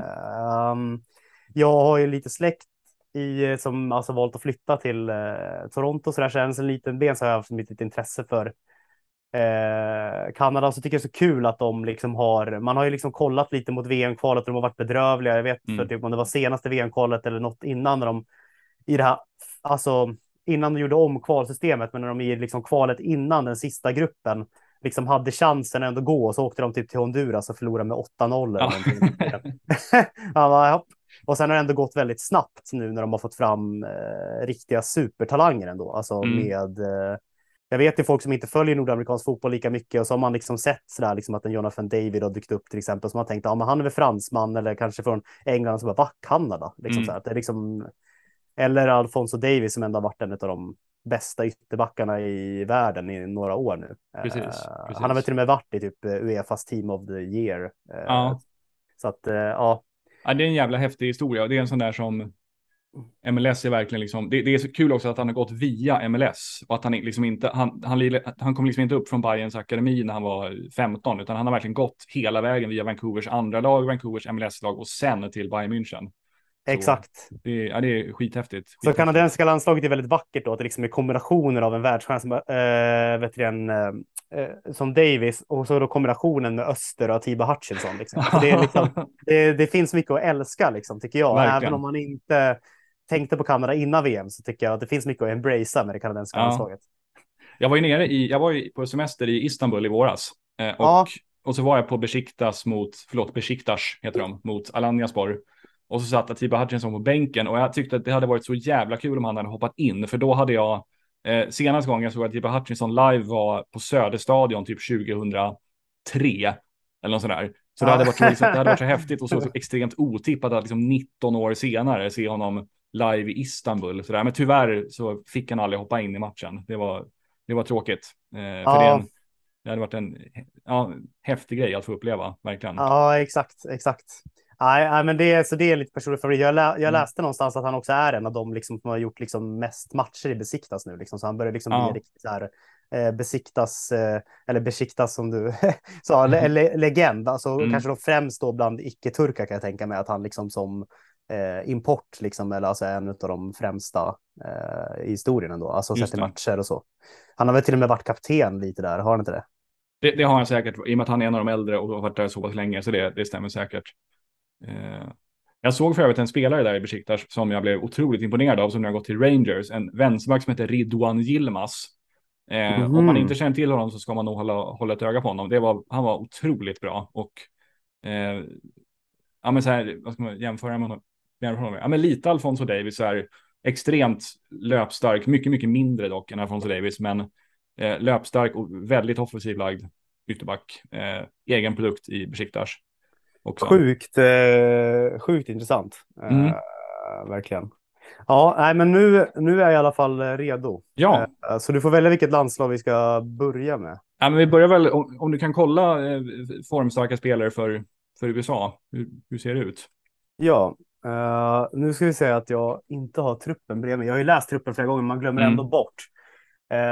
Men det är ju då så att det är ju lite olika med hur mycket man har eh, spelat då. Och det finns ju även då eh, ligor då som jag kanske inte har med här. Men det, är väldigt, det som är intressant med, med USA det är att väldigt många spelare spelar ju i de största ligorna i Europa nu ändå mm. i landslagen. Uh, och uh, en spelare då som har högst betyg här som jag uh, är ju, som jag tror kanske, han spelade i MLS innan, jag kommer inte ihåg vilken klubb nu, det kommer du kunna säga, men det är Eric Palmer Brown som spelar i Troy, Troja i uh, League Ö nu. Ja, han kom inte med i VM-truppen dock. Det, det, var det, det var det jag tänkte jag var tvungen att kolla, för jag tror inte att han var med. Men det tyckte jag var väldigt spännande uh, att han inte är med.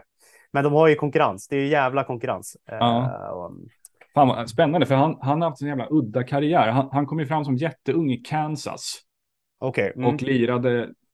Han var, han var liksom något av ett stjärnskott, men så, han jag tror aldrig riktigt tog en ordinarie plats. Och sen blev han såld till Manchester City eh, mm. som jätteung och har liksom hoppat runt för en massa klubbar. Det känns som att han liksom aldrig riktigt, han får liksom aldrig riktigt fäste, för han bara, han bara studsar runt mellan klubbar och så det är som att han, ja, och nu, vad kan det vara nu, 23-24 någonting kanske? Ja, ja, exakt, exakt. Ja. Sen har vi väl då spelare som är eh, precis här eh, bakom som eh, är med i truppen vet jag som har gjort det bra. Eh, och då vi kan, vi kan börja kanske med Brendan Aronson i Leeds, mm. eh, som jag tycker, mina, min pappa och min bror är Leeds-supporter så att jag har ju mm. så här, uh, får ju konsumera en del och han har kanske inte varit bra i alla matcher, men han har ändå varit en sån som har liksom gått in direkt i elitspelarnas hjärtan, typ att han liksom mm. ändå så här jobbar och sliter och uh, ja. Ja, men en, en, en, en bra och uh, intressant spelare tycker jag. Mm.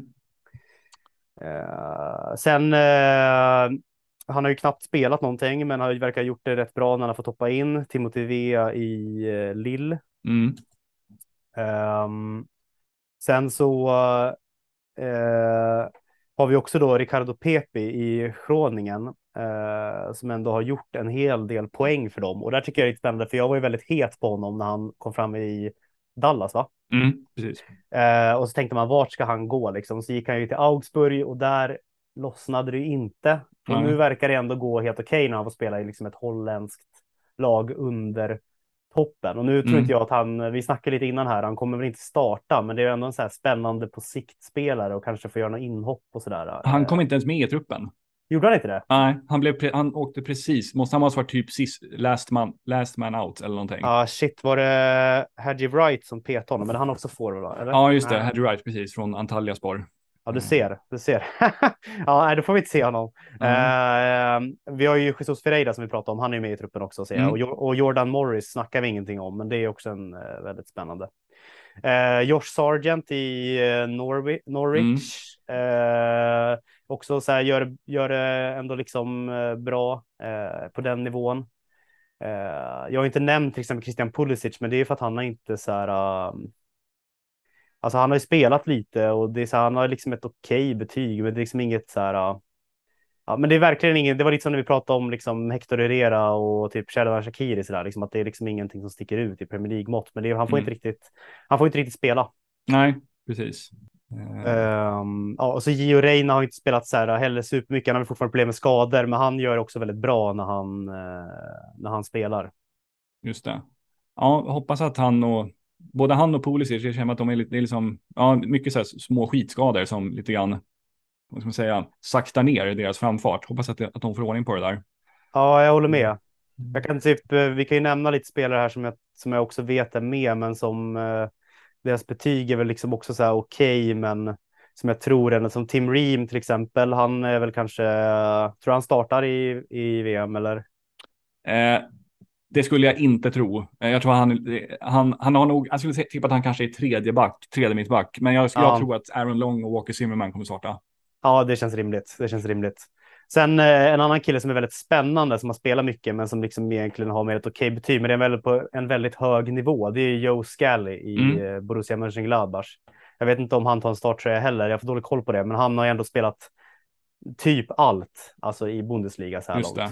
Uh, och Eh, har inget av de liksom bättre högerbacksbetygen i ligan, men han spelar ändå allt och det är liksom en av Europas bästa ligor. Det. Eh, så att det måste på i, i sett i truppen. Eh, sen eh, finns vissa spelare här då som inte typ har spelat så mycket i år, men som är, eh, jag tror fortfarande är med. Viss, jag, jag gissar att ja, Luca de la Torre är med i truppen till exempel. Han, Mm. han har inte så här, uh, han har inte spelat eh, spelat någonting nästan. Det är skade, skade av skadeskäl. Eh, Ja, det. Det, det, det var också så här kantboll på, på om man, om man kunde tas med. Men han måste också varit en av de absolut sista som togs ut. Eh, Ja. Med anledning av skadorna. Då. Just det. Och så här, Weston McKennie har inte någon så här supervidare Serie A-betyg, men han eh, är ju, spelar i Juventus. Så. Just det. Ja, men spännande. Ska vi hoppa över till, eh, till Kanada? Ja, vi hoppar över till, eh, vi hoppar över till Kanada. Eh, och medan jag laddar in Kanada, blev Reggie Cannon också petad eller? Ja, Ja. precis. Mm. Det, det är så, USA har ju jättemycket bra mitt, eh, högerbackar plötsligt. Ja. Eh, det är lite grann som med eh, det är Slovenien och, och målisar som eh, har varit så här o- orimligt bra under en kort period.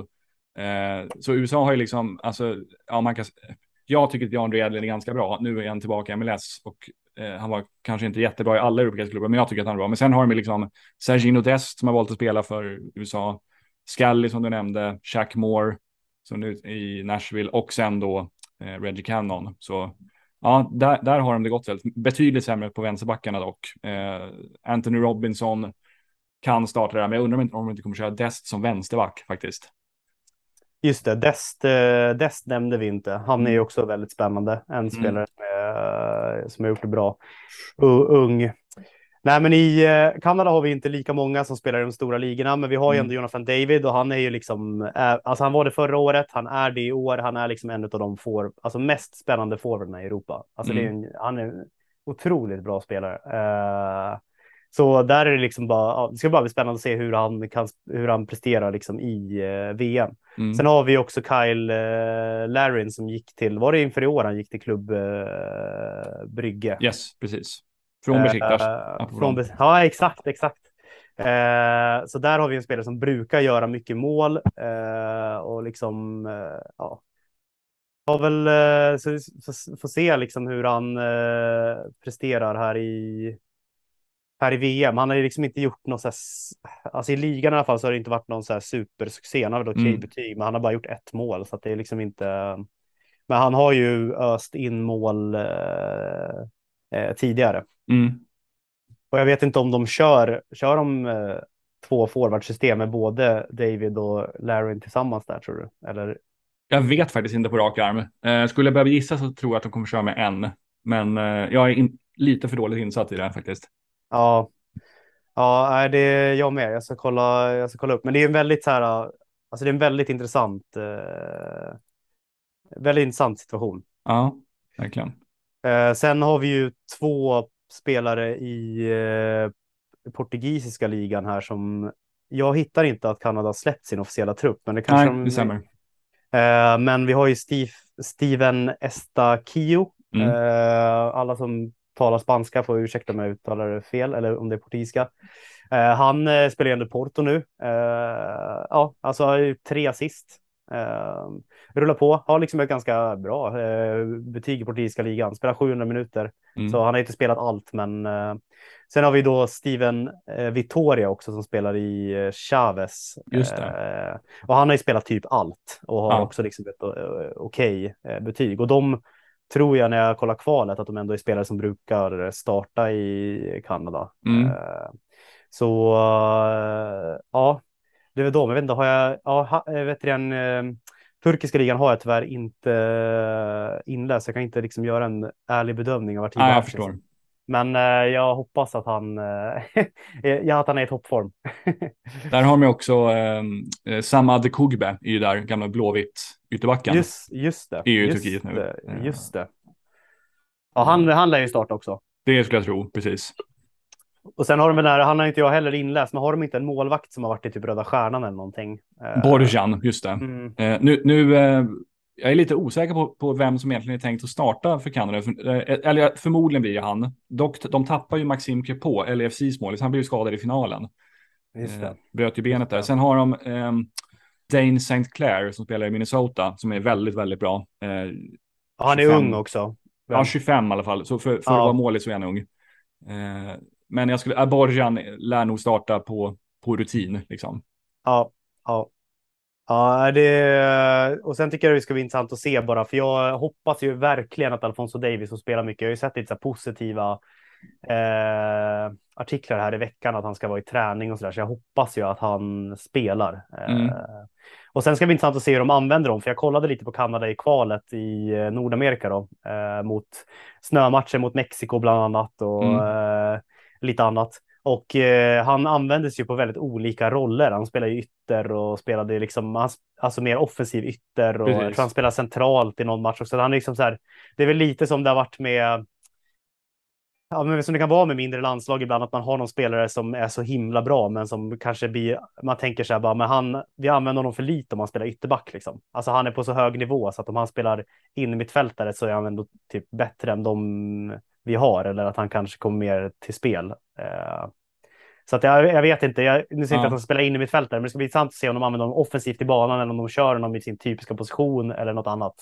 Precis, jag tänker de har ju han, alltså han Adekugbe tycker jag är bra, så de, de skulle Ja. kunna köra honom som vänsterback och sen Davis som ytter istället. Eh, Exakt. Det skulle, det skulle absolut funka. Jag tror det var så de körde många matcher där mot Mexiko och Ja. USA, så där, att de körde just så. Och jag tror det, det känns ju ändå eh, rimligt. Och skulle de ha ett anfall där de har liksom Larry, David och Davis, då är ändå det, alltså, det är Ja, är bra. halvan i VM, alltså Ja. på den eh, trion. Precis, och sen ja, i kvalet när man möter så här Keymanöarna, då kan de fan köra med, med Atiba Hutchinson på topp och ändå vinna ju. Så. exakt så, exakt så. ja. Uh, ja, det är intressant. Annars är det ju mycket, om man kollar Kanadas eh, tidigare trupper så är det mycket spelare som spelar i också lite, lite mindre ligor sådär, typ Mm. alltså spelar i tyska andra och eh, skotska ligan och sådär. Just det. Eh, ska vi kolla Costa Rica också i den mån du har kunnat hitta siffror på dem? Vi ska Ja, säga att vi, vi, vi bojkottar Mexiko eftersom de är ri- rivaler till USA. Så de, de, de inte vara med i den gången. Eh, Precis. Ehm, då ska vi se här. Costa Rica, det känns ju som det är ett sånt där land som alltid spelar VM. Det är som man Mm. liten, att man har liksom en relation till Costa Rica via VM. just. Alltså förutom att de sprattlade till och vann typ dödens grupp där 2014 och typ England och eller vann kanske kom tvåa, men när de var är typ som Uruguay och eh, Italien. va? England och Italien. Ja. Eh, då var de ju helt eh, otroliga. Eh, och sen så, ja, såklart när 1-2, 1-2, men jag var inte född då liksom, så jag är ju Nej. bara krönikan som eh, eh, relation. Deras trupp är, den är, den är spikad. Fan, det är jättemycket spelare som är i inhemska ligan. Det är typ halva truppen. Det var faktiskt mer än jag trodde. Exakt, exakt. Det, det var det jag var inne på. Och jag vet Ja. att typ Joel Campbell spelar i Mexiko liksom, och annars är det mycket så här. uh, Det är de är Sa Saudi och colombianska ligan och sånt där. Det är liksom inte något heller jag kan få fram data på tyvärr. Nej. Men de har ju Keylor Navas, nu vill han Ped, men det är ju en världsmålvakt. Mm. Eh, fantastisk målvakt. Eh, sen har de ju två spelare här i Championship. De har ju dels en väldigt ung eh, engelsman här, Juison. ehm, Bennett. Bennett i, han har ju så här, eh, gjort något mål i Championship och är helt okej, men han spelar inte så mycket, men eh, Championship. Eh, och sen har de ju då en kille som jag inte ser att spela någonting i Nottingham, han står som Nottingham, Brandon eh, Aguilera, men jag får inte fram någon data på honom i Championship här. Eh, snabb Wikipedia-koll verkar som att han är ut på utlån i Costaricanska ligan igen. Ja. Så att, eh, det jag har inte så mycket fräscht på Costa Rica. Det här känns som ett väldigt spä- spännande att följa. De har ju, det är kul i alla fall att Brian Ruiz fortfarande är med. Jag frågade det när vi snackade lite innan. Ja. Om eh, han kör, det är en sån här man kommer ihåg från Fulham och PSV var det väl, eller något sånt där i holländska ligan. Men han, eh, han ångar på, han är kapten här, 37 år gammal. Mm. Och Celso Borges också, gamla AIK-mittfältaren är med. Just det, just det. Det är skumt att, eh, alltså Ruiz, det är skumt att han aldrig har hamnat i MLS tycker jag. Och Celso Borges, de Ja. brukar alltid ha no, någon vända brukar de alltid ta till MLS. Men de har, de har lyckats hålla sig borta därifrån och nu är de nog lite, eller de är absolut för gamla för att hamna Ja, nu. Det är väl en grej som jag tycker, alltså som är en här fördom som hänger kvar med MLS, men som liksom, alltså förut var, kändes som att MLS var, det var mer äldre veteranimporter. Nu kommer det ändå några så här stora namn liksom, men nu har liksom MLS mer blivit talang, eh, alltså en talangliga tycker jag. Ja. och att det är väldigt spännande att det känns som att många sydamerikaner väljer att ta vägen via MLS till Europa lite grann. Att man typ så här. Jag vet inte hur många som exakt har gått till det, men typ som Thiago Almada liksom som går till MLS mm. och nu så finns det jättemycket Europa-rykten på honom och det finns ju Eh, ja, men eh, Almiron eh, som i Newcastle nu liksom till mm. exempel. Att, och Brenner som du nämnde tidigare också, han, han ryktades vara på väg till liksom Ajax och Lazio och Arsenal hösten innan han gick till Cincinnati. Liksom. Ja. så det, ja, det var, och de hade kommit sist. År, två, två år innan han, eller om det var året eller åren innan han kom dit. Så det var en jävla, det var riktigt häftigt när han, han gick dit. Sen tycker jag, apropå det här med Centralamerika, så en stor skillnad som man ser eh, tycker jag nu, kontra jämfört med till exempel när jag började följa ligan, MLS, det är att nu är det mycket, mycket färre spelare som kommer direkt från de centralamerikanska ligorna till MLS eller från de karibiska ligorna till MLS. Just vilket det. jag tänker också skvallrar om att nivån på MLS har blivit bättre, för nu kan liksom inte längre en, eller det är i alla fall det är mycket svårare för en spelare som är ordinarie i honduranska ligan att gå till MLS och prestera liksom. Där har glappet blivit större och samma sak med liksom så här jamaikanska ligan och så. Det är det är väldigt sällsynt att spelare går därifrån och tar en tröja i MLS liksom. Exakt, jag var inne och kollade på amerikanska landslag ganska nyligen bara för mm. intresses skull och där är det ju mer att man ser att en del spelare liksom spelar i USL och så där. Det känns Just som det. att, som du säger, att för tio år sedan eller längre, då var det ändå mycket MLS, alltså på Jamaica och det finns ju fortfarande en del, men att liksom det har blivit, det har gått upp. Alltså de har inte hängt med, de har inte utvecklats i MLS-takt, eh, känns som. Nej, men precis. Eh, Jamaikanerna. Eh, ska vi kolla de här simuleringarna också som du gjort på USA, Kanada och Costa Rica? Mm, ja, jag gjorde en liten teaser på simuleringen tidigare. Ja. Hur den, men eh, man kan säga så här att min eh, VM-simulator då, den eh, simulerar alla matcher sett till eh, XG. Den väger in balansen mellan lagen i matchen mm. och balansen då, alltså mitt sätt att mäta styrkan, det är egentligen då att jag tar in all information för alltså ELO-rankingen, typ hur landslagen har presterat och den är lite bättre än Fifa, att den, alltså ELO-rankingen, att den viktar lite bättre. Så då kan man få in historiska matcher via den eh, och där nyare matcher vägs mer tungt. Sen mm. har jag också då eh, skrap, eh, tagit ner information från eh, transfermark på spelarvärden på spelarna. Det är någonting som korrelerar ganska bra i just ligor, att rikare klubbar presterar bättre, så att då är man också liksom ett sätt att försöka mäta in liksom hur värdefulla eh, truppen är. Det är inte lika tung faktor i simulator, men det är ändå något som tas hänsyn till. Alltså typ hur, ehm, eh, ja, men hur mycket, vad är, potential, vad är liksom nivån på spelarna egentligen mer? Mm. Eh, och sen har jag också då utifrån den datan eh, vi har så har jag också försökt ta in lite så prestationsindex då från eh, de ligorna vi har på de lagen. Då. Och det här är något som jag simulerat tidigare på liknande sätt och det som man kan säga är att simulatorn den, den ger då utifrån de här eh, hur bra lagen är de får, enligt de här faktorerna så mm. slumpas mm. då liksom en eh, highlight, eller hur många liksom målchanser laget kommer att uh, få mot det andra mm. laget som är en XG-siffra. Sen simuleras då alla målchanser enligt XG och då kan det bli så liksom att teoretiskt sett kan det bli så att uh, till exempel England har 3 XG mot Iran som har 0,3, men Iran vinner med 1-0 och det är sånt som kan hända riktigt. Det var typ så som Makedon, Nordmakedonien slog ut Italien i VM-kvalet till exempel. Men om man simulerar väldigt många gånger så får man mer ett normalt utfall. Men mm. den, den lämnar ändå utrymme för eh, mer slump då.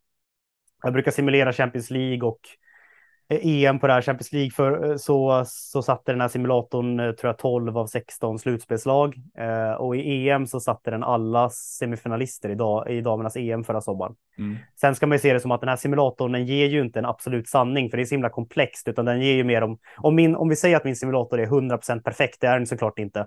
Då ger ju den liksom vad är det mest troliga utfallet på VM eh, i liksom eh, odds. Eh, så det här blir ju liksom egentligen som en, en konkurrerande odds till eh, vad bettingbolag kan ta fram, bara att deras eh, odds är också styrs ju också av vad folk bettar på. Liksom. Mm. Och det, här är ju, det här är ju noll pengaintresse, liksom. alltså, det här är bara liksom, ett normalt utfall. Men jag är helt övertygad om att bettingbolagen har rikare i grund och sen korrigeras det efter mm. vad, vilka länder folk bettar på. Då. Men så det är själva simulatorn i, i sig. Jag hoppas att det, det hängde någorlunda med. Yeah. Så då kan vi, ska vi börja med att bara ta chanserna för att gå vidare från gruppen eller ska vi och sen gå mot typ om de går vidare, vad oddsen är att gå längre i turneringen? Eh, ja, men det kan vi göra. Det låter bra. Grymt. Så då kan vi börja med USA. USA är ju grupp B i en av, av eh, som jag tycker liksom lite så här världspolitiskt en väldigt intressant grupp eftersom att de typ både England och Wales är samma, liksom har sin historia. Men sen också då att liksom det finns den där USA-Iran matchen då som i VM 98 var det väl. Mm. Och den här gruppen är ju generellt, alltså den är otroligt jämn. Det är en av de mest jämna grupperna enligt simulatorn. Att England då som är favoriter eh, har 66 procent chans att gå vidare till slutspel. Mm. 66 kan ju låta ganska lågt, men det som man ska minnas i ett mästerskap som man ser jämfört med om man simulerar en liga eller även Champions League där det är dubbla gruppspelsmatcherna är att det finns väldigt mycket utrymme för eh, slump Mm. och eh, tur och effektivitet. Att liksom, om du, om det finns, alltså, över en match är det större chans att du kan vinna en match om du har 0,5 mot 2,5 XG. Mm. Men om du spelar en liga så kan du inte göra det hela tiden, alltså Just på det. samma sätt. Eh, sen är det då egentligen helt jämnt skägg enligt den här simulatorn mellan USA, Iran och Wales. Ja, Mhm. det är lite intressant. Eh, USA, Wales är näst favorit på 46 procent. Sen är det 44 procents chans för både USA och Iran. Så egentligen kan man säga att det är ungefär en på två att USA går vidare. Ja. Eh, Och det är också då inte alls liksom otroligt att USA ska kunna sno poäng mot England eller till och med Mm. vinna. Eh, Så det ska man komma ihåg att, att England är ju favorit här, men de har inte ett så starkt vinnar-odds som man jämför med en del andra länder i turneringen. Mm. Eh, Så att ja, men väldigt, väldigt jämnt skägg. Då kanske Mm. vi ska gå vidare till, eh, jag tror Costa Rica är i nästa grupp. De är i grupp, Grupp E, ja. Den är... Där får de det tufft, tror jag. De får det väldigt tufft. Eh, De är då rankade lägst eh, i den här eh, vet du, den simuleringen. De har ungefär ändå då en på fyra att gå vidare, vilket Aha. ändå är ganska intressant. Eh, man, och det ska man veta att det kanske låter högt, men oftast i sådana här tregruppssystem system i kvalspel så är det liksom sällan nere på att lag har alltså odds ner mot alltså 10 eller under för att Mm. eh, det finns fortfarande ett del utrymme för slump. Alltså skulle Costa Rica teoretiskt sett lyckas spela kryss mot Tyskland och vinna mot Japan så kan man gå vidare på det Mm. förutsatt att Spanien vinner allt. Och det är liksom det är så små marginaler det är. Men eh, Costa Rica är då eh, en av de ändå lägre rankade länderna i eh, turneringen och Mm. eh, Spanien är solklara favoriter på ungefär 80 procent går vidare och så Tyskland på 65 så Tyskland och eh, Spanien ska ju gå vidare i den här gruppen. Mm. Eh, och, jag, och förmodligen så kommer Costa Rica och kamma enligt simulatorn då noll eller max tre poäng. Mm. Japan ses som klart starkare än Costa Rica ändå. Mm.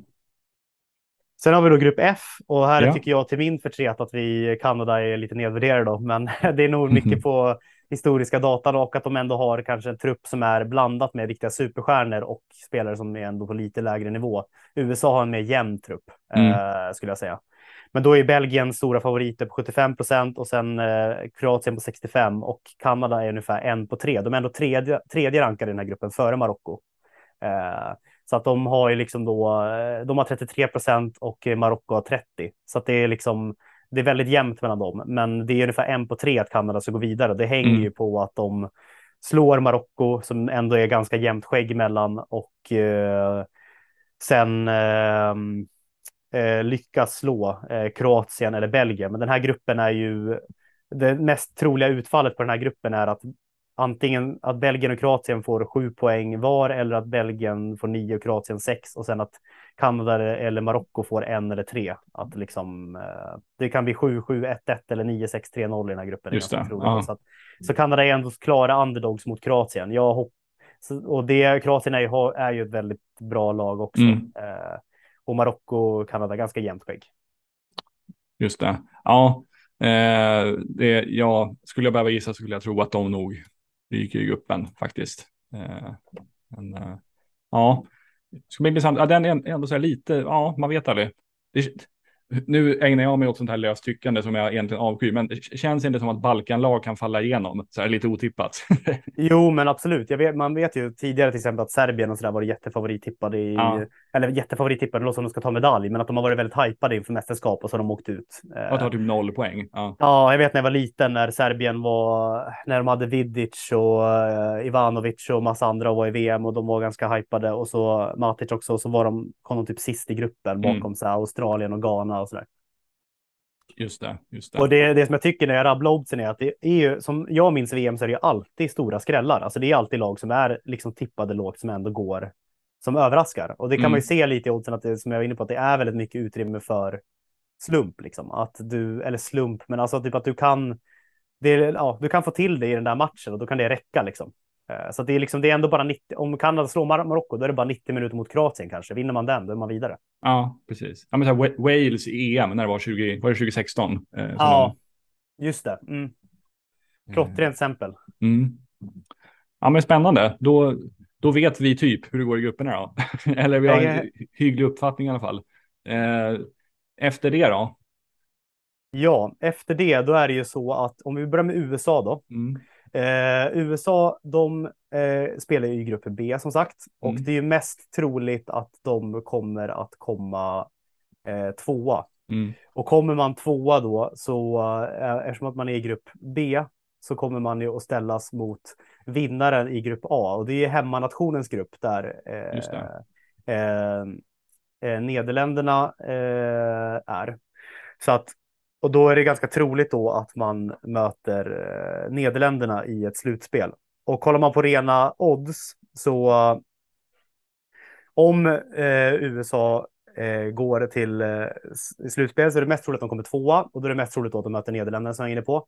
Och i sådana fall om de eh, möter eh, Nederländerna så eh, har de är de ju under, alltså underdogs liksom. De Mm. har liksom en 30% 25% odds att vinna den. Så de har ungefär 10 eh, sannolikhet att nå kvartsfinal. Sen kan ju den kvartsfinalvägen också innebära att de vinner gruppen. Just Och det. det, och det tycker jag är något som är intressant att ha med sig. Att USA har, tycker jag, ändå ett ganska bra skrälläge.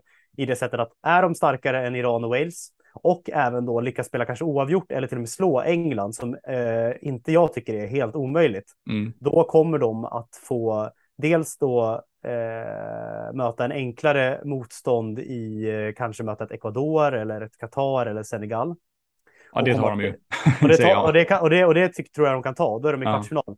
Men sen också den andra upset-möjligheten som är kanske ännu bättre för längden av turneringen.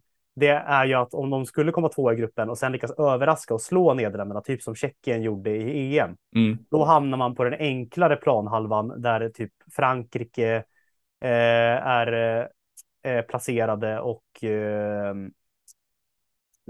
tvåan i Tyskland, Spaniengrupp. Man slipper liksom Argentina och Brasilien, den Mm. halvan. Och det kan ju göra då att man, eh, ja, jag säger inte att eh, USA ska slå de här nationerna då, i Frankrike och Nederländerna och Belgien och så där som är på den halvan. Men man har ändå liksom, eh, man har en lättare halvan om man skulle komma två i gruppen och sen slå Nederländerna. Då. Just det. Just det. Och för många av de favoriterna är på den andra sidan. Eh, så det är lite det, eh, oddsen där. Eh, Costa Rica är ju liksom, eh, det är inte så mycket att säga. De är liksom i grupp eh, E, de, vin, de möter ju vinnaren i grupp F om de kommer tvåa. Det är förmodligen Belgien, så de har ju liksom en väldigt så här låga eh, odds på att de har ungefär Ja, det är ändå, det är ändå 5 eh, chans på någon kvartsfinal, men det är ju, eh, det kan låta ganska mycket, men det är ju väldigt litet ändå. Eh, och inte så mycket vidare, så det, det, det, det, ser, det ser tufft ut. Eh, Vi kan, vi kan anta att Brian Ruiz, han kan redan nu boka in liksom en, en semesterresa när kvartsfinalen i VM spelas, för han kommer inte vara upptagen då med... Exakt. Det var ju någon legend i Wales som du pratade om där 2016 som hade Ja. bokat in sitt bröllop i när det var semifinal. För han trodde ju inte att de skulle gå så långt. otroligt. Så han var tvungen att flytta. och det finns ju också sådana här roliga historier ibland när det är landslag som inte har planerat logistiken för att gå typ till final, semi i så här EM och sånt. Att de inte har tagit med tillräckligt mycket, jag vet inte om det är tröjor eller typ em, alltså vissa matgrejer så att de Mm. måste lösa det under turneringens gång. Eh, det är lite kul. Eh, Nu kommer jag tänka på att det var en, egentligen helt, en typ annan historia, men det var i, i den numera nedlagda ligan NASL, när den liksom återuppstod under ett antal år under 10-talet, då var det ju eh, alltså North American Soccer League som var en av två andra ligor i Nordamerika. Där var det ju en spelarövergång som då, då var det alltså en spelare tradade en spel, en, eller en klubb tradade en spelare till en annan klubb i utbyte mot här, rese och hotellarrangemang. Bort när, när dagen skulle mötas i eh, alltså den andra klubbens stad. Så det, och det, det stod uttryckligen i nyheterna att, så här, ja, vad heter han hette, Walter Ramirez eller vad han hette, eh, ja, skitsamma vad han hette, eh, he is traded um, eh, and uh, San Antonio FC receives travel and hotel arrangements for the upcoming away game eller något sånt där. Helt sanslöst. Ja, gud.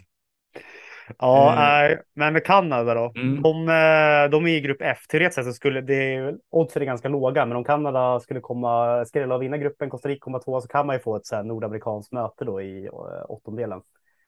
De oddsen är inte särskilt stora, men det, det, det, det går. Annars då om man skulle komma tvåa, då kommer man förmodligen möta då eh, vinnaren i eh, Costa Ricas grupp och det är ju förmodligen då Spanien eller Ja, Tyskland. det. Så att deras slutspelsväg är ju oavsett om de kommer ett eller tvåa väldigt eh, tuff.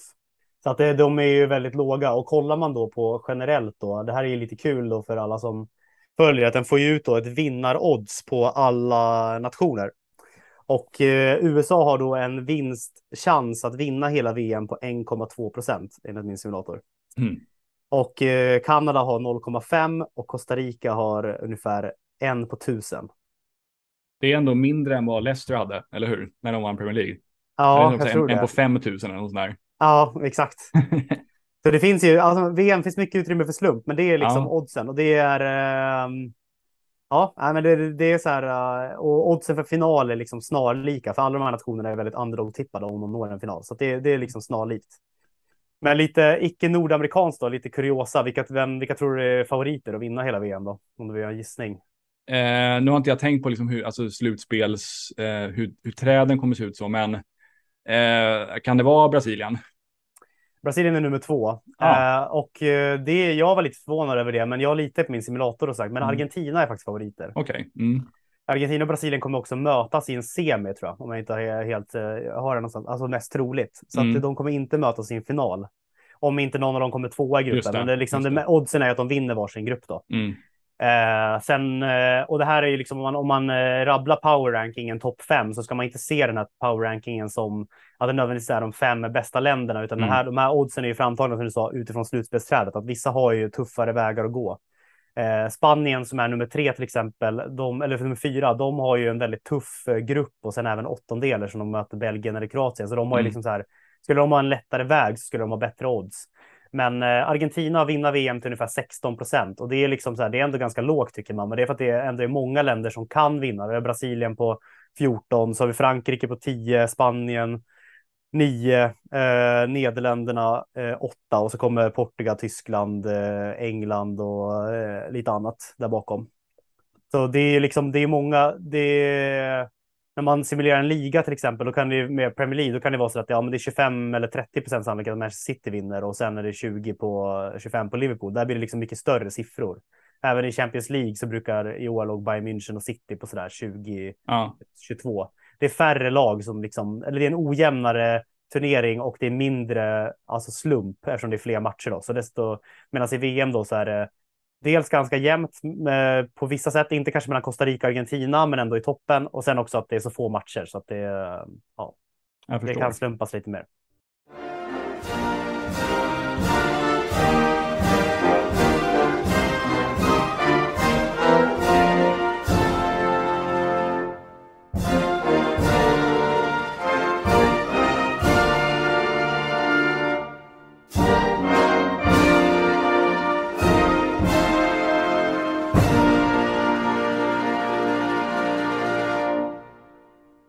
Sådär ja, då tar vi och tackar Jesper Haglöf för att han tog sig tid att ställa upp på den här intervjun och berätta för oss om nordamerikansk fotbollrelaterad data och dataanalys.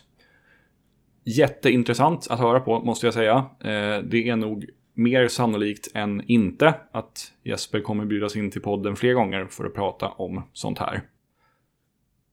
Tack så mycket för att ni har lyssnat. Prenumerera gärna på podden så att ni inte missar kommande avsnitt. Ta hand om er så hörs vi igen framöver. Tja tja!